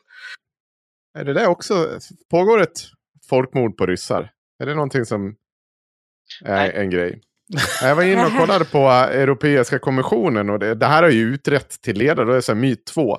Situationen i Ukraina utlöstes av den här, konflikt, äh, utlöste den här konflikten. Det finns bevis för att Ukraina begår övergrepp mot den rysktalande befolkningen i landets östra del. Ryssland måste ingripa, inte minst för Ukraina och Ryssland tillhör samma nation. Ukraina är helt enkelt en del av Rysslands privilegierade intresse, intressesfär. Och då svarar man så här, falskt. Påståendet att Ukraina angriper sitt eget, sitt eget territorium och förföljer sin egen befolkning är absurda. För att öka det inhemska stödet för Rysslands militära angrepp har ryska statskontrollerade medier oförtröttligt svartmålat Ukraina, Ukraina genom att anklaga landet för folkmord i östra Ukraina dra ogrundade paralleller med nazismen och andra världskriget och fabricera historien i syfte att väcka negativa känslor hos målgruppen. Det finns många exempel på sådana fabri fabricerade historier som bäst illustreras genom det berömda exemplet på ett ryskt tv-reportage där ukrainska styrkor anklagas för att ha korsfäst en liten pojke i östra Ukraina i början av konflikten. Faktagranskare eh, bevisade snabbt att historien var helt och hållet uppdiktad. Liknande historier produceras fortfarande. Eh, I själva verket finns det inga bevis för att ryskspråkiga etniska invånare i östra Ukraina utsätts för förföljelse, än mindre folkmord, av de ukrainska myndigheterna. Eh, det har bekräftats i rapporter som publiceras av Europarådet, FNs högkommissarie för mänskliga rättigheter och OSSE. Så. Eh, så där, han sitter ju bara och drar saker ur röven igen. Sen alltså bataljonen är ju nazister. Det finns ju en bunt nazister där. Det är ingen snack om saker. Det är ingen som man vill hålla om ryggen. Det här är ju pack. Men det är fortfarande inte sant att det pågår den här etniska förföljelsen, alltså det folkmord av ryssar. Som, det är ju helt och hållet Putins ursäkt till det här orättfärdiga kriget. Och det är någonting som än en gång en SD-avlönad liksom liten, ja jag vet inte vad jag ska kalla han, sitter och sprider. Om och om igen.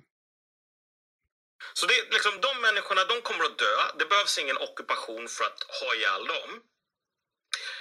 Den andra grejen, avmilitarisering av Ukraina. Och förhindra ett NATO-medlemskap. Alltså, tänk dig att ryssarna de bara bombar landet ett tag. Um, kanske ordnar något presidentval och säger hej svejs, nu åker vi tillbaks liksom. Och rör inte de här östra utbrytarrepublikerna om ni vet vad som är bra för er. Om ni försöker sätta upp en damm för att förhindra Krimhalvön och liksom få vatten igen, eh, då kommer det inte gå bra för er. Men liksom, lycka till. Hur många människor kommer vakna upp efter att ryssarna drar och bara tänka så här, vet du vad vi borde göra? Vi borde gå med i NATO.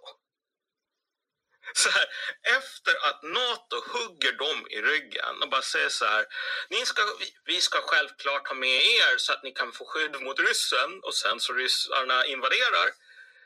Och uh, Ja, f- för det är ju frågan, vad, vad, kommer, när, när är han, eller han ska jag inte säga, men när är ryssarna nöjda? Det, det, där de borde, jag, jag, jag killgissar att det de strävar efter är väl att hålla vissa delar av rys, sydöstra Ukraina typ. Ehm, och kanske införliva det antingen direkt i ryska federationen eller att det blir självständiga delrepubliker på, på något sätt. Då. Alltså det blir vasaller som de erkänner dem, men i, i praktiken en del av Ryssland. Men att de, och, och sen att de då installerar någon pappet, eh, någon så här vasallregim i Kiev då, då i, i nordvästra Ukraina. Men att man, man, men att man liksom gör en annan form av statsbildning där. Och sen då se till att man håller då eh, den flanken av, av ryska imperiet eh, Alltså, kan du avmilitariserat, pausa lite här? Ja, vänta, det är lite kvar bara. Jag menar, efter att NATO har bara lämnat dem och blir fuckade på det här sättet. Alltså efter att det visar sig att väst går inte att lita på. Du måste ju vara redigt jävla dum i huvudet för att tänka så här att Okej, nu drar ryssarna och säger så här, äh, gå inte med i NATO. Men den här jävla gången så kommer Kamala Harris och bara skicka alla legioner och typ atombomba Ryssland. Alltså, det, liksom den hästen har sprungit ur ladan. Va? Ja. Alltså jag kan inte andas. Han, han har en väldigt speciell syn på hur folk bara ska... Så här, det verkligen går att slå folk i... Och, det, till viss del stämmer det ju att det går att slå folk till liksom lydnad. Ja, det, det har ju hänt, men, men jag tror inte det- ukrainarna kommer vara Alltså den här superglada jämförelsen med är så Ryssland jävla efter det här. pantad. Om jag sitter med två personer, jag har Åke här och Bosse här. Eh, och så säger jag så här, fan, Åke, eh, jag hörde att du har fest på fredag. Får jag komma eller? Och Åke svarar så här, ja men absolut du får komma, men grejen är så här, du, du har liksom inte duschat på väldigt länge, så det vore bra om du gör det. Du får gärna köpa lite nya kläder för de där är trasiga. Eh, och du måste ta med dig din egen alkohol. Och så säger jag så här, ja, men okej, jag kan fixa det, men det kommer ta ett tag. Åke säger så här, ja visst, du har ju liksom till fredag på dig och jag kommer säkert ha en till fest någon annan gång. Och då säger Bosse så här, om du köper nya kläder kommer jag slå dig på käften. Ursäkta? Det är Bosse som är horungen i det här, inte Åke. Det- Men det är ju så efterbliven liknelse det här. Jag orkar inte med de här människorna. Alltså det, kom, det, det är ju inget snack om att ukrainarna säkert kommer vara förbannade på västvärlden om de inte går in och stoppar. Det med, ser man ju i Zelenskyjs tal också, han är förbannad. Men jag tror inte riktigt det här är en, det är lite en enkel analys. Alltså, ja, om de ska välja mellan väst och Ryssland. Jag tror inte att det är ett svårt val ändå, hur bittra de än är. Nej. Vad tror du Viktor? Nej, alltså, det- tror jag inte heller. Utan det är bara att titta på hur många andra länder har reagerat. Ja. Eh, Och- liksom. Om man tittar historiskt. Alltså, typ, eh, Polen har ju, så fort de fick chansen så anslöt de sig, de sig till väst. Liksom. Trots Ja. att de faktiskt blev ganska huggna i ryggen av väst eh, till Ja. 1939. Liksom. Eh, men det är klart, de står valet mellan den som vill stampa ner i marken eller den som säger nej men haka på oss. Då Ja, och så, du får vara fri. Du, det enda Ja. du behöver göra är att du behöver hjälpa till om någon av oss blir skjutna på. Ja. Gör vad du vill, var inte konstig. Ja.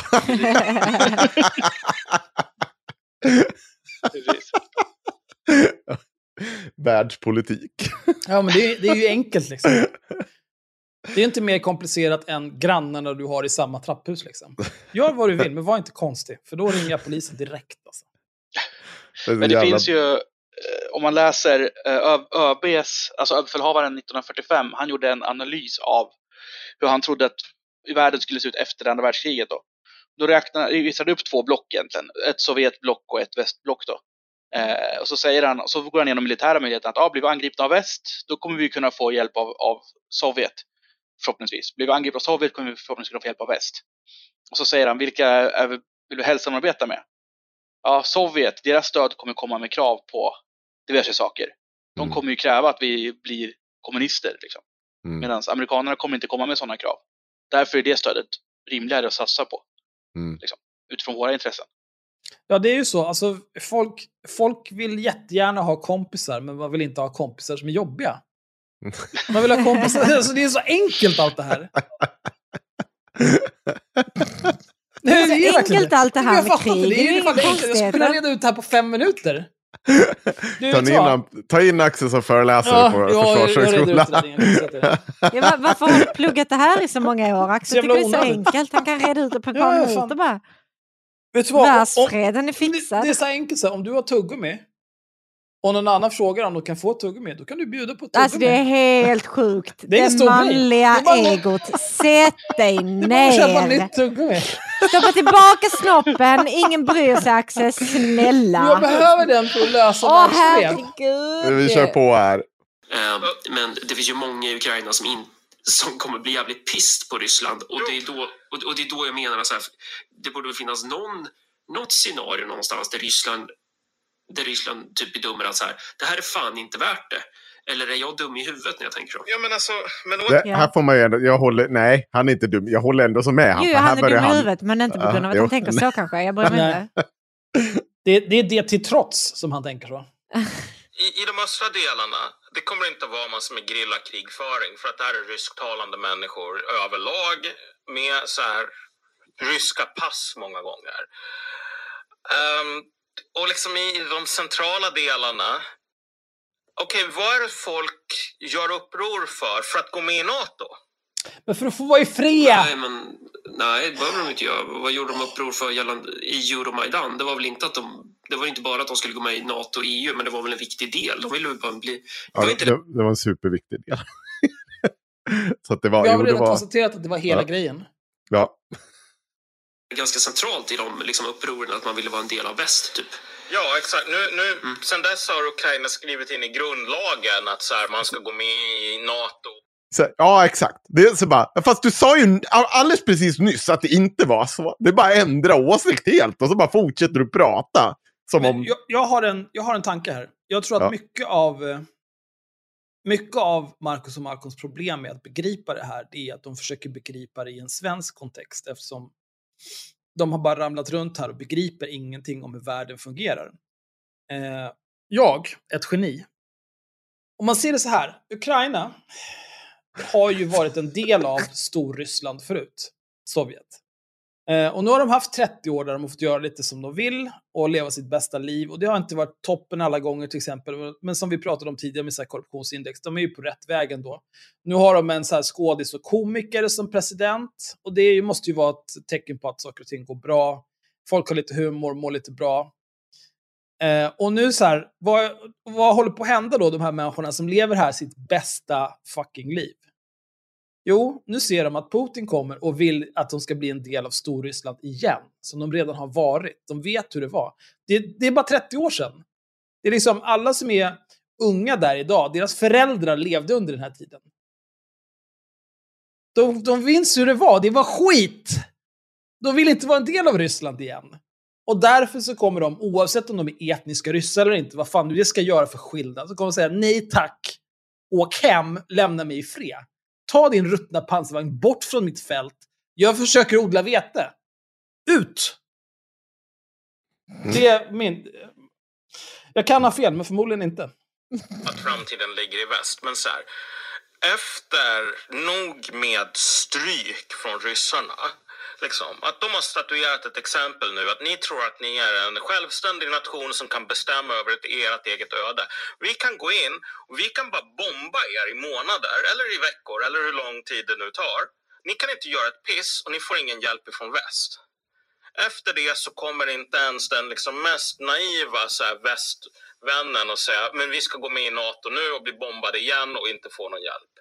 Så att alltså så här, när folk säger att det kommer att bli som Afghanistan. Ja, då alltså, kanske det- inte, visst, de kanske inte landar i slutsatsen då att de ska gå med i NATO om de ser att det inte finns någon realistisk möjlighet att kunna klara en, en, en, en invasion. Men det kommer ju inte heller resultera i att ukrainarna blir särskilt mycket mer glada i Ryssland. Nej, de, jag tror inte de behöver vara glada i Ryssland. Okej. Jag menar, de har ju inte varit det de senaste åren direkt sådär. Nej, Alltså, inte i de delarna. Nej. liksom, utan det är bara så här att ehm, återigen, det kan vara så att det finns någon Men hemlig snälla kan du pausa lite? Ja. Men vad är, vad är då konsekvensen av att de inte är så glada i Ryssland? Jo, det är att de inte står med öppna armar och tar emot honom, utan att de håller på liksom och, och ska hålla på och kriga till döden för att slippa ha med ryssen att göra. Det är ju det Ja. som är konsekvensen. Alltså, Ja, men det är en himla dålig Hur? grej också. Bara, vi fick inte hjälp av NATO nu när vi inte är medlemmar i NATO, så nu kan vi inte bli medlemmar i NATO. Nu kan vi istället att gå med de här som bombar oss. Vad va? alltså jag tror... Vad är det för eh, sjukt Stockholmssyndrom? Nej, men jag tror att det kommer liksom...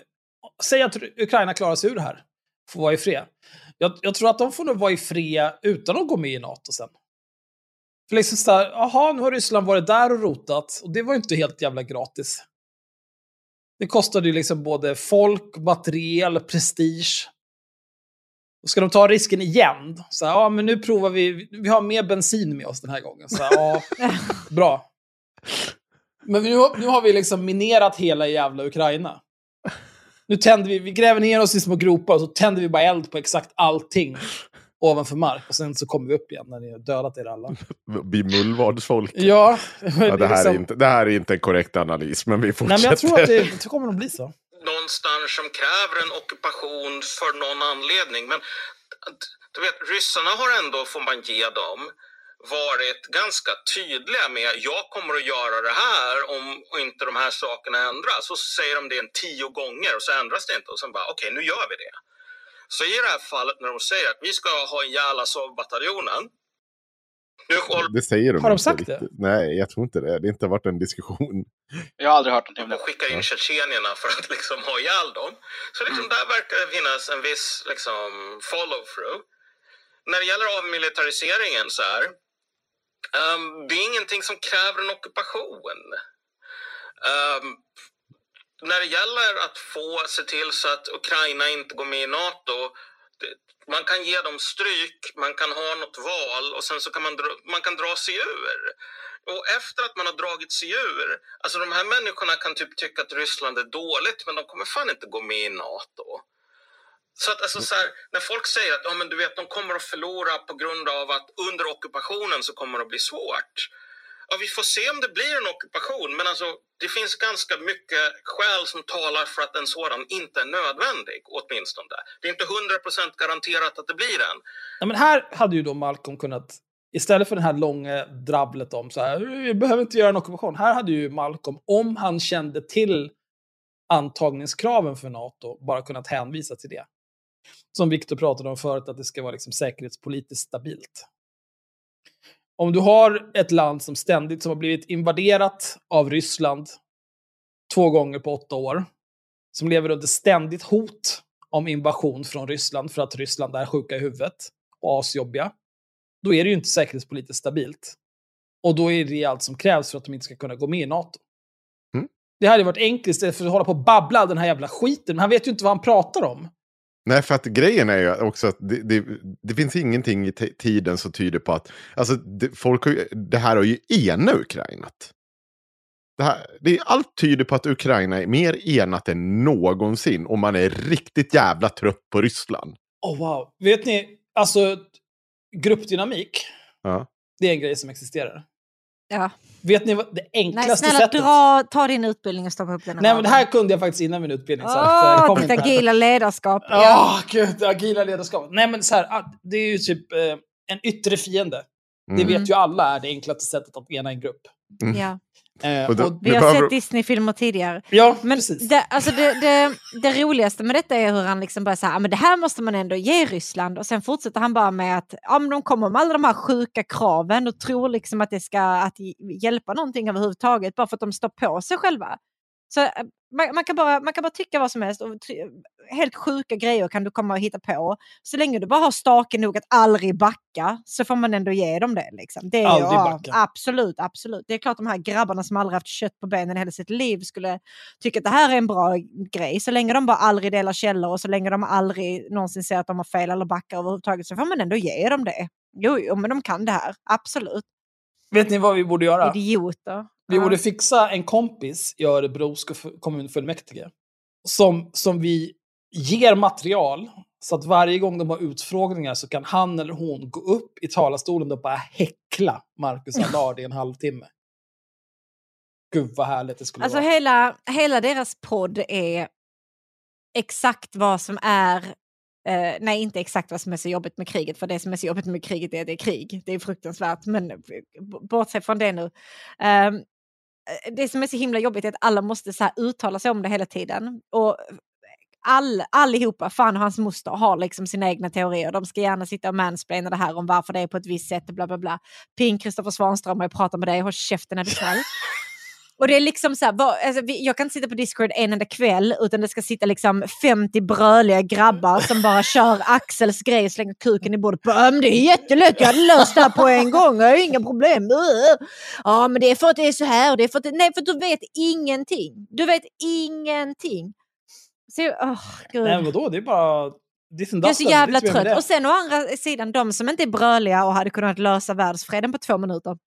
De är ju de som springer till eh, Willys eller Ica och köper upp alla fucking eh, ris och eh, toapapper som finns i hela världen. Alltså det finns ju ingen som kan agera normalt i en sån här situation. Folk är dumma i huvudet. Och de här är beviset på det. Och Kristoffer Ja. Svanströmer. Mm. Ja, vi hoppar fram i den här lilla inspelningen. Ehm, om inte Viktor har något att tillägga. Nej, jag tycker Axel fyller ut bra i... Tack. Här.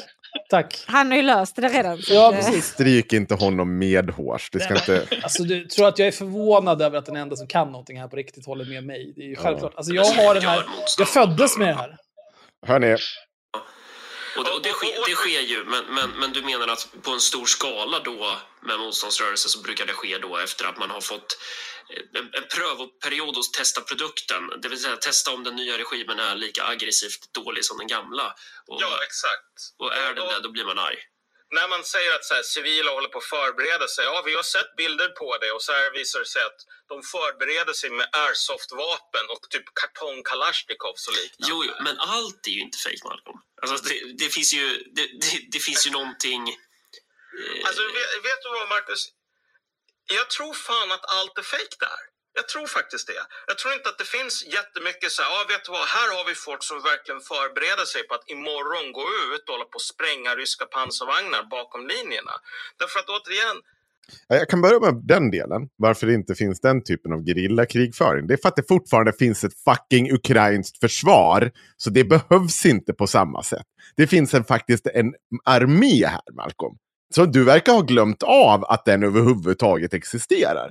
Och att det finns väldigt många människor som också ansluter sig till det. Plus att man har, man har sagt att alla stridsföra män att de måste vara en del i det här nu. Han är så jävla blåst. Men då ska det inte springa massa civila mitt mellan det officiella försvaret med Nej, men- sina cardboard Kalashnikovs. Så det tyckte jag Nej. är jättekonstigt. Sen finns det ju grillarörelse också. Ja, ja. De har ju attackerat ryska underhållskonvojer och grejer. med Ja, ja, och- och en bu- och, och Och en bunt arga bönder med traktorer som åker runt och släpar runt på pansarvagnar till höger och vänster. Det är så jävla... Vi är lika glada varje gång jag ser en sån film. Det kommer en stor jävla traktor med en pansarvagn bak. Va? Och man vet att det står någon ryss och fryser någonstans och är förbannad över livet. Man bara, fan kunde de inte skicka med mig mer soppa? Hur fan dumma i huvudet är de där egentligen? Det är inte normalt att sådana saker sker på en gång. Och det man måste tillägga, det är så här att vi, inte, vi vet inte om, om Ukraina är korrupt nog för att liksom folk bara ska säga så här, det här är inte min jävla strid. Det är en sån där grej som vi är aggressivt onyfikna på. Hur jävla korrupt är egentligen det här landet som strävar efter demokrati och rättvisa och allting sånt? Hur mycket av det är en Potemkin-kuliss som produceras för västerlänningar? Hur mycket av det här, alla de här människorna som bara, ja du vet, jag kommer definitivt att ta min Kalashnikov och bara skjuta ryssarna. Alltså, du vet, folk sa ju att de skulle ta emot flyktingar hemma hos sig. Hur många som helst sa ju det under flyktingkrisen. Och sen så när man kollar hur många människor som faktiskt gjorde slag i saken, då var det typ sju pers i Hur Stockholm kollade han eller det? någonting som kunde upplåta sin bostad åt flyktingar. Eh, att, att, att kasta molotovs på en bandvagn, det är faktiskt lite farligare än att ha en afghan hemma hos sig. Liksom.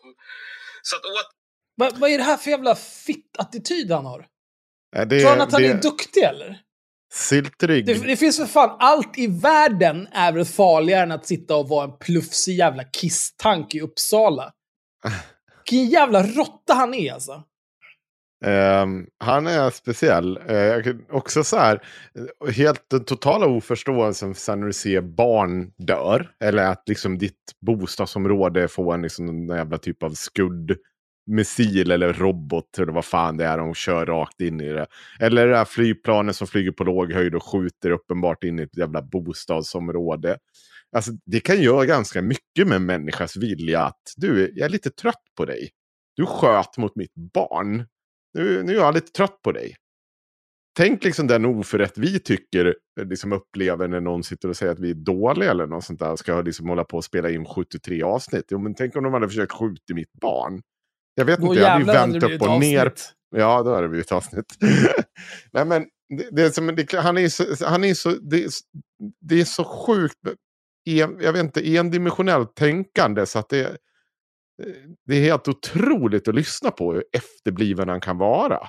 Och än en gång, nu har vi ju ett svar på hur mycket, det, det finns ju tydligen en försvarsvilja och det, det är inte bara fejkat. Han påstår ju faktiskt på riktigt att allt det här är hittepå. Ja, han sa Han det. säger ju det rakt ut. Det. Men eh, han måste ju vara lite, en smula raljant. Han, säger, alltså, han kan ju inte på allvar mena In, att ingenting... 100% av liksom den, Äh, den civila försvarsviljan i Ukraina som man ser i hittepå. Han kan Jo. omöjligt mena det. Jag tror det. För att han, det är ingenting, han delar det. Det, är ju samma, men det är det går, narrativet går ju helt ihop med allting han delar. Så att eh, om man så då sen sitter och säger det rakt ut, men då får man väl till slut någon gång ta honom på orden. Eller vad, vad ja. Jag tyckte han lät så nedlåtande när han sa Så att jo, absolut, jag är på Henriks spår här. Vilken jävla fitta. Vad tycker du, Viktor? Det, jag vet, det, det jag tänker på spontant är att han lever ju kvar i någon form av innan andra världskriget mentalitet. Där man trodde att man kunde bomba ett folk till underkastelse. Liksom. Men det enda man gjorde var ju att när tyskarna ödelade London, liksom, det var ju att britterna sk- skrek ännu hårdare. Och Mm. när amerikanerna och britterna försökte ödelägga Tyskland så slogs tyskarna ännu hårdare. Liksom. Och det är väl samma, han tror ju på något sätt att ja, men du kan bomba ett folk till underkastelse, men det kan man ju inte. För att det är ju som Henko säger, folk blir ju mer villiga att slåss om deras barn dör och deras hus bombas sönder. Liksom. Ja, alltså det mest psykotiska exemplet på det där är väl Vietnam. Ja. USA spenderade ju rätt mycket tid där med att bomba rätt mycket. Och det hade de fan ingenting för. Nej. Nej, men hans mentalitet och hans kläder är från samma årtionde, så det är ju fint. Nu fortsätter vi. Oj. Yes, eh, vet du vad? Axel, om du vill, ett tips Ja. det är att vi eh, tar ett stoppar nu och sen resten får vara Patreon. Ja, för min del, jag bryr mig inte. Det, vet ni vad jag kommer göra så fort vi är klara med det här? Nej. Då kommer jag spela World of Warcraft tills jag inte orkar mer. Då har vi kommit till slutet av det här ordinarie avsnittet av Haveristerna. Om du vill höra fortsättningen av det här, då behöver du bli Patreon. Du skulle blivit Patreon redan från första början, så slipper du spola i det Patreon-avsnittet för att komma fram till där du var. Jag tänker inte ens berätta vad det är för timestamp, för jag har ingen aning. Du får reda ut det här helt enkelt bara. Vill du höra resten får du bli Patreon. Dra åt helvete, hej.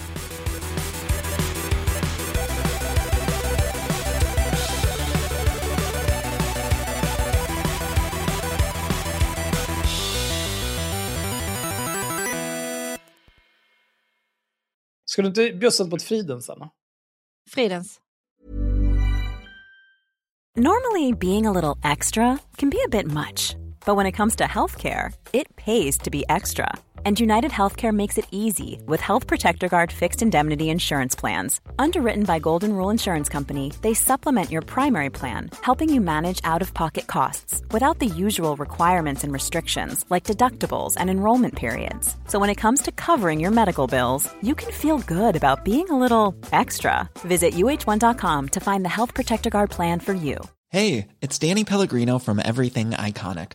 Ready to upgrade your style game without blowing your budget? Check out Quince. They've got all the good stuff shirts and polos, activewear, and fine leather goods, all at 50 to 80% less than other high end brands. And the best part? They're all about safe, ethical, and responsible manufacturing. Get that luxury vibe without the luxury price tag. Hit up quince.com slash upgrade for free shipping and 365 day returns on your next order. That's quince.com slash upgrade. Normally, being a little extra can be a bit much, but when it comes to healthcare, it pays to be extra. And United Healthcare makes it easy with Health Protector Guard fixed indemnity insurance plans. Underwritten by Golden Rule Insurance Company, they supplement your primary plan, helping you manage out of pocket costs without the usual requirements and restrictions like deductibles and enrollment periods. So when it comes to covering your medical bills, you can feel good about being a little extra. Visit uh1.com to find the Health Protector Guard plan for you.